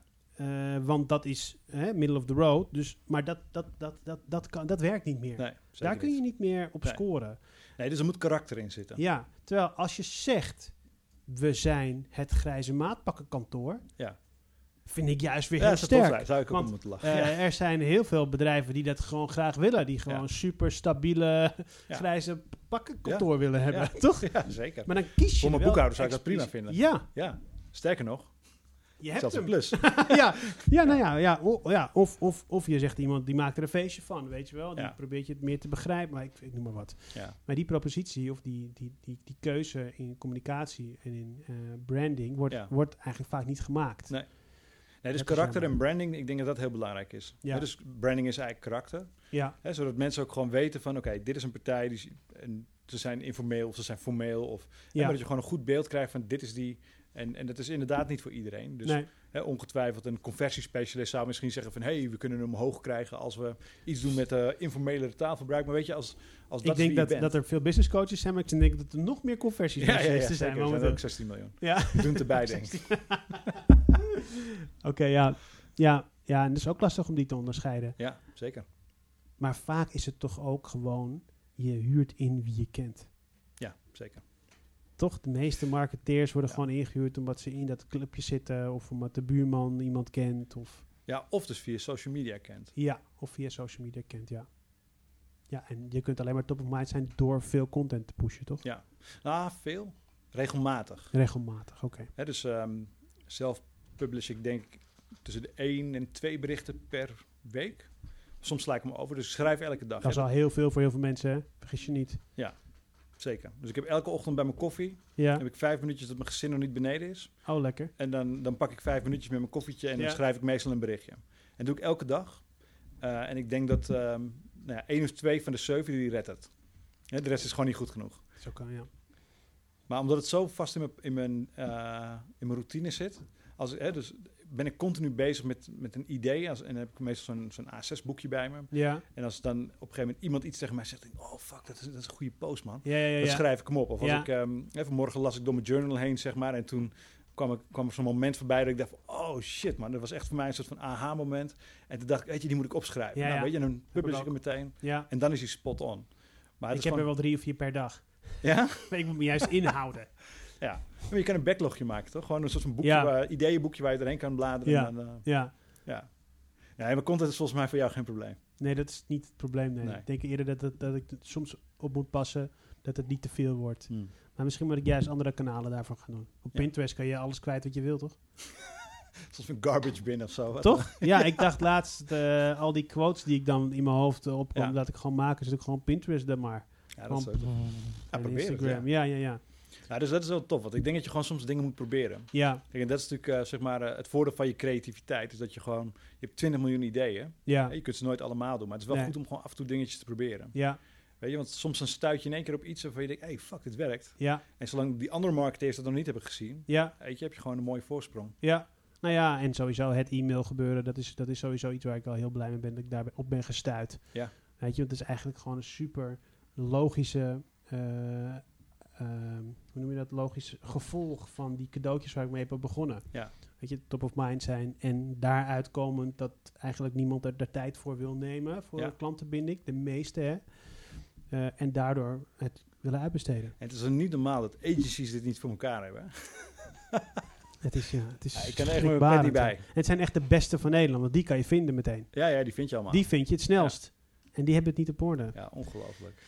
Ja, zo nog wel. Ik denk ook dat het is een beetje analysis paralysis, weet Ja. je? Omdat je, omdat je, ik heb er ook een marketing automation blog geschreven. Rustig mijn tijd voor genomen, zeker een uur. En, eh, Wauw. nee, hoor, nee, en daarin. Ja, met jouw ik- snelheid is dat echt... eh, die is echt eh, ja. lang hoor. Nee, maar eh, daarin zeg ik ook, je moet ook gewoon beginnen met een, met een welkomst. een- drie mails met een welkomst automation. Ja. Dat is gewoon de basis. Ja. Vertel wie je bent, vertel een leuke business case en, en, en entertain een beetje. Ja. Maar ik denk dat agencies precies weten wat er allemaal mogelijk is. Ja. Weet je wel? Dus die willen dan het allemaal compleet inrichten. Hè? Top of the line funnel. Iemand klikt daarop en wil een mailtje daar naartoe. En dan willen we ze nog retargeten. En dan willen we eigenlijk ook nog eens een keer een belletje en een call to action ook nog tussendoor. Eh, eh, en bla bla bla big data. Maar begin maar gewoon eens met die basis. Ja. Als je dat al op orde hebt, als iemand zich aanmeldt op je nieuwsbrief, is een 100% lead. Nou, het is denk ik ook een beetje net als met, eh, ik weet niet of het met kunst is hoor, dus misschien sla ik de plank mis, maar weet je, less is more. Weet je, als je kijkt, ik heb natuurlijk, eh, ik ben begonnen met funnels en ik weet dat mijn eerste automations, jongen, dat was echt een, een Ja, tree, ja. jongen, dat was echt Ja, gigantisch, weet je. Ik heb zelfs speciale iMac voor gekocht, zodat ik gewoon Ik kon echt, zien. echt de breedte had, zeg maar. Dat echt bizar. Zo jongens, we moeten even naar een bioscoopzaal. Ja, ik ben even iets groter nog. Ja, dat was echt, eh, dat was echt bizar. Ik denk dat het, eh, ja, inderdaad, nog een slagje groter dan deze iMacs die hier hebt staan. Gewoon echt gewoon, dat ik dacht van, ik heb gewoon breedte nodig, want dan kan ik mijn automations zien. Ja, ja, ja. En op een gegeven moment dacht ik echt, ja jongen, dit werkt Nee. gewoon helemaal niet, weet je wel. En, en als je nu kijkt zeg maar, naar mijn huidige funnel, is eigenlijk gewoon straightforward, gewoon één rechte lijn naar beneden. ja, Weet ja. het enige wat ik doe is ik filter zeg maar klanten uit in de call to action. Als ik een oproepje doe van, weet je, ik heb weer tijd om, om kennis te maken met mensen. ja, Hey, daar filter ik mijn klanten uit. ja. Maar voor de rest is het gewoon content, content, content. En het enige slimmigheidje wat ik erin heb is bijvoorbeeld een primer. En een primer is eigenlijk een, een e-mail waarmee ik iemand aan het denken zet van... hey, misschien moet ik hier iets mee gaan doen. En daarna komt de call to action en dan begin je gewoon weer opnieuw. Weet je, zo Ah, simpel is het. En dat gaat gewoon eindeloos door. ja, En voor de rest is het gewoon waarde bieden, waarde bieden, waarde Ja. bieden. ja, ja. Primer, call to action. Ik heb nu een nieuwe landingspage gemaakt, Oké, gisteravond. oké, gisteravond nog. Vers Bedacht. Ja, Want, ehm, en het staat al online. Of heb je hem wel laten checken op spelling? nee, hij staat wel online. Het staat online.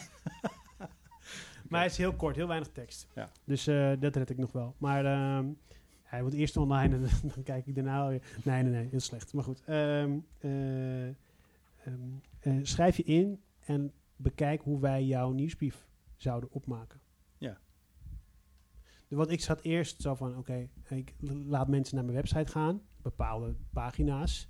En dan maar hopen dat ze converteren naar een e-mail. Of een whatever, weet je, Ja. een, een nieuwsbrief. Maar eigenlijk wil je ze gewoon meteen, je wil eigenlijk zo snel mogelijk een gericht, dat iemand eh, een gerichte vraag heeft. Dus Mhm. hoe ziet mijn, oh ja, dat is wel leuk. Ik zou wel willen weten hoe, hoe, hoe de, het meest creatieve e-mailbureau van Nederland mijn e-mail zou Ja. vormgeven.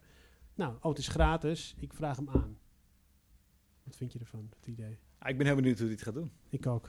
Nee, Wat ja, het is heel het lastig. idee? Ja, ik, het als idee is leuk. Alleen, kijk, wat, ehm, eh, kijk, het probleem is hoe beter het voorstel vaak is, hoe meer hassle mensen verwachten.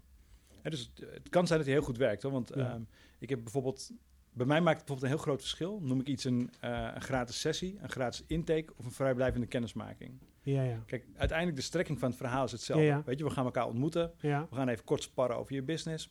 En uiteindelijk weten we van, kan ik iets voor je betekenen of niet? ja, En, eh, en toch maakt het echt een mega verschil welke tekst ik op die knop zet. ja, ja. Maar gewoon omdat het te maken heeft ehm, met sessie, hebben mensen heel snel het idee van, oké, ik moet gelijk de diepte in. Weet je? En ze Mhm. hebben misschien het gevoel van, ik wil eerst even weten wie ik tegenover me Ja, ja, ja. Kennis maken voelt misschien juist wel weer, weet je. Dus ik ben daar ook nog steeds mee aan het experimenteren om gewoon te kijken van, wat werkt dan het beste? Ja, Op dit moment een sessie, bijvoorbeeld gewoon gratis sessie. ja. Hè, dat voelt dan alsof ze meer waarde krijgen. Oké, ja. Hè, dus dan is het commitment groter van de mensen die zich inschrijven. ja, ja Hè, dus de inschrijving gaat dan wel omlaag, maar het commitment is hoger. Weet je, dus het is gewoon, ja... Uiteindelijk is het niet alleen de conversie van die landingspagina, ook maar Ja. daarna. Ja, Hè, dus wat gebeurt er daarna? Krijg je inderdaad eh, al die starters die nog helemaal geen geld hebben om jou straks in te huren om je die nieuwsbrief te sturen. mm, Ehm, kijk, dan is, dan is het geen goed, heb je conversie heel goed, ja, maar output is gewoon slecht. ja, Ehm, voor korte termijn. voor korte termijn. Ja. Hè, dus dat is een beetje. Uiteindelijk moet je nog twee stapjes doorrekenen om, om echt een goed beeld te krijgen van is het een goede landingspagina. Ja, maar dat, moet je, dat kun je alleen maar doen maar het idee is heel tof. Ja, het is in ieder geval, want je weet in ieder geval zeker, oké, iemand wil, is geïnteresseerd in Ja. een nieuwsbrief. Wat zou nog meer een goede landingspage zijn? Je wil gewoon zo snel mogelijk eigenlijk wel gewoon die contacten. Dat je, dat je in ieder kunt laten zien. Ik heb dus nu laten zien eh, hoe of ervaar de kracht van e-mail bijvoorbeeld. Weet je wel? Schrijf je in. Ja. Ja, weet je, ik denk. ehm, wat denk ik. ehm, een goede zou zijn kwalitatief. Hè, dus eh, in de output in je funnel. Zou bijvoorbeeld een landingspagina kunnen zijn die zegt: Weet je, kom bij ons op kantoor. Neem je computertje mee. En we gaan samen achter de laptop zitten en we maken voor jou een nieuwsbrief template. Oeh. En ik denk omdat.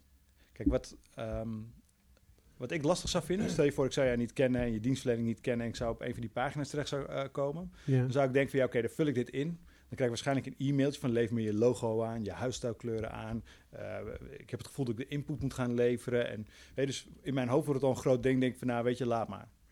Maar als je zegt kom langs met je computertje, je klaplok of whatever, maar neem iets mee. Eh, en we gaan samen gaan we aan een tafel zitten en zorgen we dat je aan het eind van de dag heb je een nieuwsbrief staan. Kijk, dat voelt alsof je het, iemand meeneemt in het proces. Dus ik kan me voorstellen dat dat... En ze zijn hier al aan tafel geweest. Hè, dus de kans is groot dat ze denken... hé, hey, toffe, toffe club, man. ja. Ehm, hè, dus ze hebben gelijk gevoel bij wie gaat dat straks voor me doen. Eh, er is meteen een soort van waarde aan het eind van de rit. En ik weet zeker, als jij met mensen aan tafel zit, dan close je de deal. Ja. Ja, omdat je sympathiek bent, ze zien hoe serieus je dit allemaal neemt. En super knap ben je, mooi rood jasje. Weet je, allemaal eh, top voor elkaar. weet je, hij besteedt de aandacht aan. Ja. Dus, dus ik denk dat zoiets zou... eh, het zou je veel tijd kosten. Maar ik denk dat de conversie aan het eind van de funnel heel goed zou zijn. Goed idee, ga ik ook maken.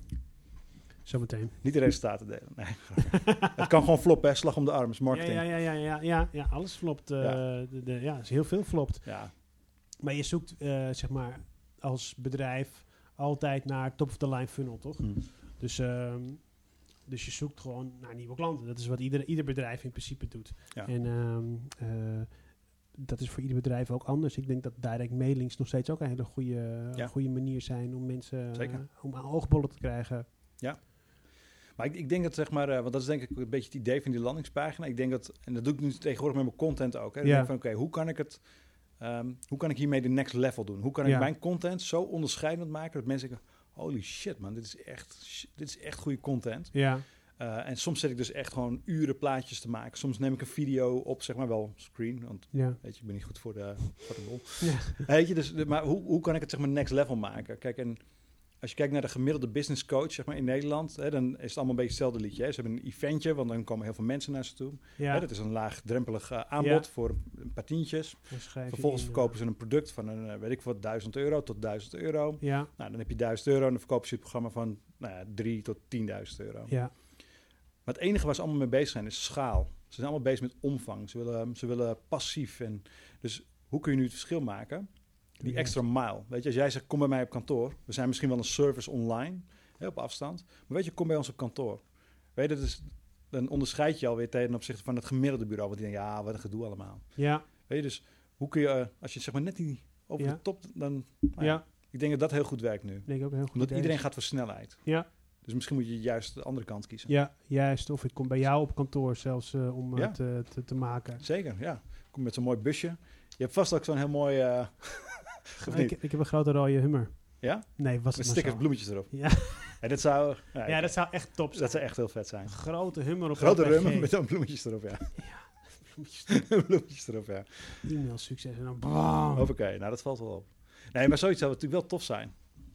Ja, nee, even los van die bus. Maar ja, gewoon ja, ja, ja, ja, over ja. de top, zeg maar, gewoon wat je doet ja. om zo'n klant binnen te halen. Ja, ja. Ja, dat moet je gewoon doen. Ja. Je, je, je kunt niet, je kunt er geen dien tegelijk. Het gaat gewoon gesprek voor gesprek. Ja. Dat is gewoon wat het is. En mensen dus wel, stel dat je dus inderdaad die mensen binnenkrijgt die net begonnen zijn. Die moet je ook gewoon top of mind blijven. Dus hè, Ja. in, je, in je funnel houden. Hoe vaak stuur jij een e-mail nieuwsbrief? Eén keer per maand? Of, Eén keer per twee weken. oh, één keer per twee weken. Ja, ik had een nieuwsbrief eh, eerst één keer per week. Eh, maar toen kreeg ik heel veel reacties van mensen die zeiden van... ja, ik, kan niet, ik lees je e-mails echt. Ja, maar Hè, het dus, en dat is te veel, dat kan Ja. ik niet bijhouden. Dus, Ja. eh, dus dan ben ik naar één keer per twee weken gegaan en, eh, en dat gaat eigenlijk heel goed. Dat is prima. wat zijn je open rates? Wat zei je? Wat zijn je open rates? Open rates. Ja, nou, weet je, dus- ik, eigenlijk ben ik je helemaal er niet... Nou, ik kijk er niet veel naar, maar ik denk dat ik ergens tussen de rond de 30 en 40 procent zit ongeveer. Maar ik denk... ehm, kijk, ik heb... Ik denk richting de 30 nu. Hè, want ik rank bijvoorbeeld op een, op een term als e-mail marketing. I know, grapje. I know, I know. Oké, is een grapje tussen ons. Ja, Nee, maar ehm, kijk, wat, wat natuurlijk is, is dat daar komen natuurlijk vooral studenten op af. ja. Het is natuurlijk mooi, het is een prestige dingetje en, en heel veel e-mail marketingpartijen zien mij daardoor, dus voor mij is branding. ja. Hè, maar ik denk dat ehm, als je bijvoorbeeld rankt op een keyword als marketing of, of, of eh, e-mail marketing of funnel, hè, dan krijg je heel veel studenten. Ja, Hè, dus, uh, maar dat vind ik niet erg. Dus die, hè, die, dat is eigenlijk de grotendeels van de, van de bezoekers. Um, dus de open rate gaat op een gegeven moment omlaag. Hè, want dan is op een gegeven moment een topic niet meer helemaal interessant voor ze. En dan, Ja. dan schrijven ze zich uit. En dat is Ja. prima. Of ze openen niet meer. ja. En zeg je ook wel eens van, die kik, kik ik eruit? Dat Nou, zie je wel eens, toch? Van, eh, als je, ik zie dat je die meer leest, dus ik, eh, als je nu niet op deze knop eh, drukt, dan meld ik je af van mijn Ja. lijst. Ja, ik ben echt snoeihard. Dus ik mail het niet eens. Oh, je doet het gewoon. Nou, als mensen, ik denk, drie, vier mails niet openen, worden ze automatisch gewoon van de lijst afgegooid. Oh, zo. Hè, dus het, en dan betekent dat je in de afgelopen acht weken Ja, eh, geen tijd hebt gehad om je e-mail te lezen. Hè, dus wat ik dan wel doe, als iemand dan weer bijvoorbeeld op mijn website komt, hè, dan wordt hij weer opnieuw geactiveerd. oké, ja, precies. Hè, dus dan kunnen ze weer instromen. En zo hou ik de lijst wel een beetje schoon, want anders dan... eh, Hey, en ehm, voor alle honderdduizenden luisteraars eh, naar de relatiemarketing Zoveel, podcast. Ja, ja, ja, ik heb nog geen research gedaan. dus Eh, wat, wat zijn nou, eh, ja, tips klinkt altijd zo stom, maar wat zijn nou dingen wa- wat je mee wil geven of zo, weet je wel, vanuit, eh, vanuit je ervaring? Nou, weet je, ik, ik merk dat de laatste twee, drie maanden zeg maar, zijn er een aantal topics waar ik me, hè, de soort van momenten, aha-momenten die ik zelf heb gehad, ook eh, hè, met al die klanten die ik dan coach. Ja, En dat is denk ik, ehm, hè, dus die snelheid is denk ik heel belangrijk. Van weet je, kies, kies liever voor kwaliteit, want ik denk dat 90% van de markt kiest voor snelheid en schaal. Hè, dus weet je, eh, kies voor kwaliteit. ja. Hè, dat is een beetje gelijk tip. zo aangesproken dit, hè. Het is gewoon, ik word er ongemakkelijk van. Kleine tip eh, voor je luisteraars, die, eh, die eh, 100.000. Ehm, en de andere is denk ik dat, dat, dat heel weinig mensen bezig zijn met zichzelf. Hè? Dus dat ze allemaal ehm, eh, bezig zijn met wat ze moeten doen voor de wereld of voor, voor iets anders. Dus ehm, begin bij jezelf, zeg maar. Van, weet je, wat wil ik echt? En ik denk als je namelijk gewoon... ehm, hoe kom je daarachter? Want heel veel mensen... eh, ik heb het geluk gehad dat toen ik stopte met schoonspoelen, dat ik daar echt jaren de tijd voor kon nemen. Ja. Maar heel veel mensen hebben dat niet. Ja. Hoe kom je nou zo snel mogelijk... Ik heb ook keer ergens gelezen, schrijf je eigen grafreden. Ik, weet je wat ik wou zeggen tegen je? Ja. Ik wou tegen je zeggen van, eigenlijk zou ik zeggen van, het, de beste manier is om ongeneeslijk ziek te worden, want dan weet je gewoon, dit wat het, wat het toe doet. ja, Ehm, maar uiteindelijk, ik, ik gebruik journaling bijvoorbeeld. Hè, dus Oh ja. het journaling is voor mij heel belangrijk, omdat daar schrijf ik dingen op. Weet je, ik schrijf op hoe ik me voel, waar ik eh, blij van word, maar ook waar ik me kloten van voel en eh, met wat voor mens ik wil zijn. Dus op een gegeven moment ga je patronen herkennen. ja, Ehm, en daardoor merk je wat is belangrijk voor me. Dus soms is het ook gewoon doen. Hè? Dus ehm, kijk, mijn eerste bureau vond ik op een gegeven moment niet meer leuk, omdat het verdienmodel klopte niet. Dus er was altijd met cashflow waren we aan het klooien. ja. Eh, ik vond het te veel management en te weinig vak. Toen dacht ik, nou, dan begin ik een nieuwe business. Ehm, en dan ga ik in marketing en dan neem ik dat rugzakje met al die ervaringen neem ik mee en dan begin ik helemaal opnieuw. ja. Ehm, en dat ging goed. Alleen toen merkte ik van ja, het is nog steeds niet goed. En Nee. toen merkte ik van vrijheid. Vrijheid is het. Ik wil vrijheid hebben. Ik wil gewoon ehm, zelf bepalen met wie ik werk. Ik wil het, het roer om kunnen gooien zonder dat ik iedereen hoef mee te nemen. Van hé, hey, luister, ik heb toch een nieuw idee. ja. En ondanks dat ik allemaal mensen om me heen had verzameld die daar goed mee om konden gaan. Maar Ja, ja. Ik, ik merkte dat. eh, dus, dus gewoon ook door het te doen en het gewoon bij te houden. Want je vergeet heel vaak ehm, waarom je ergens mee bent gestopt. Of ja, houdt daar één of twee dingetjes bij. Maar ik heb, ik heb gewoon voor mezelf gekeken van, ehm, weet je, als ik in mijn journal kijk, waar word ik blij van? Dan denk ik van, nou weet je, ik vind het leuk om met ondernemers te zijn. Ja, Optimistische mensen. Ja. Dus die gewoon, ehm, weet je, mogen best wel een keer uh, zagrijnig zijn of down Ja. zijn. Maar gewoon mensen die over Schelden dat ik nog steeds geen miljonair ben in onze basecamp Heb omgeving. je het erin geknald weer? Er zit een spamfilter op. Dat komt niet binnen. ik zie wel af en toe Jelle lachen, zeg maar, in huis. Dan zegt ze van, oh, Hans heeft weer een berichtje voor je. maar dat zijn die scheldberichten dus. Ja. ja, ja. Nee, maar goed, weet je, dus, dus volgens mij is dat gewoon belangrijk. Dat je gewoon gaat kijken, hè, dus, en, en dat hoef je echt niet in een avondje op een papiertje te zetten. Maar gewoon, weet je, waar word ik blij van? Ja, dus gewoon ook geen quick fix weer. Nee, het is geen quick Dat fix. Is, ja, dus het is gewoon eh, bijhouden waar je blij van wordt en dat Ja. dan proberen te groot te maken. Ja. In je, want het is voornamelijk werk, toch? Waar mensen over. Bedoel, dat is ook het grootste deel van je, in ieder geval je door de Ja. weekse leven. Nou, en het heeft invloed op de rest. Ja, ja, Dus weet je, je kunt, eh, je kunt, als je een klote baan hebt, dan heb je het s'avonds ook kloten. Ondanks dat Ja. je misschien een heel leuk gezinnetje hebt en eh, weet Ja. ik veel wat. ja, want het brandt je gewoon op. ja, En eh, ik ben helemaal niet van de promotie, maar het artikel wat ik heb geschreven over, over wat is succesvol ondernemen. ja. Ik denk dat het, als ik zou moeten zeggen van lees één van mijn blogs, dan zou dat het blog zijn. Wat is succesvol ondernemen? In de show notes. Ja, eh, succesvol ondernemen. Maar het is echt, ehm, daar heb ik ook het proces zeg maar ontleed, zeg maar van weet je, dit, als je deze drie dingen in kaart brengt, ehm, dan weet je heel goed zeg maar wat je wel en niet moet doen. Kijk, en ik denk dat je dan de grootste kans hebt zeg maar, om met een bedrijf te eindigen waar je echt blij van wordt. Ja, en dat bedrijf is ook nooit af. Nee, de journey is het leukste. Ja. Dat, is, dat is de spoiler, maar eh, Ja. de journey is het leukst. Ja, dat is het moeilijkste ook aan het beginnen. Ja. Om daarvan te genieten. Ja. Hey, ik vond, wat vond je van de podcast? Ja, tof man. Ja, Ja, ik heb niet eens do- doorgehad dat hier een microfoon staat. Nee, hè? Nee, nee. Dus waarschijnlijk zit ik op de beetje de ver af de hele tijd. Of, Ja. eh, ja waarschijnlijk. ah, hij is goed met geluid, toch? Ja, hij is supergoed Ja, met geluid, ja. ja, is het leuk? Ja, dat was leuk man. Ja.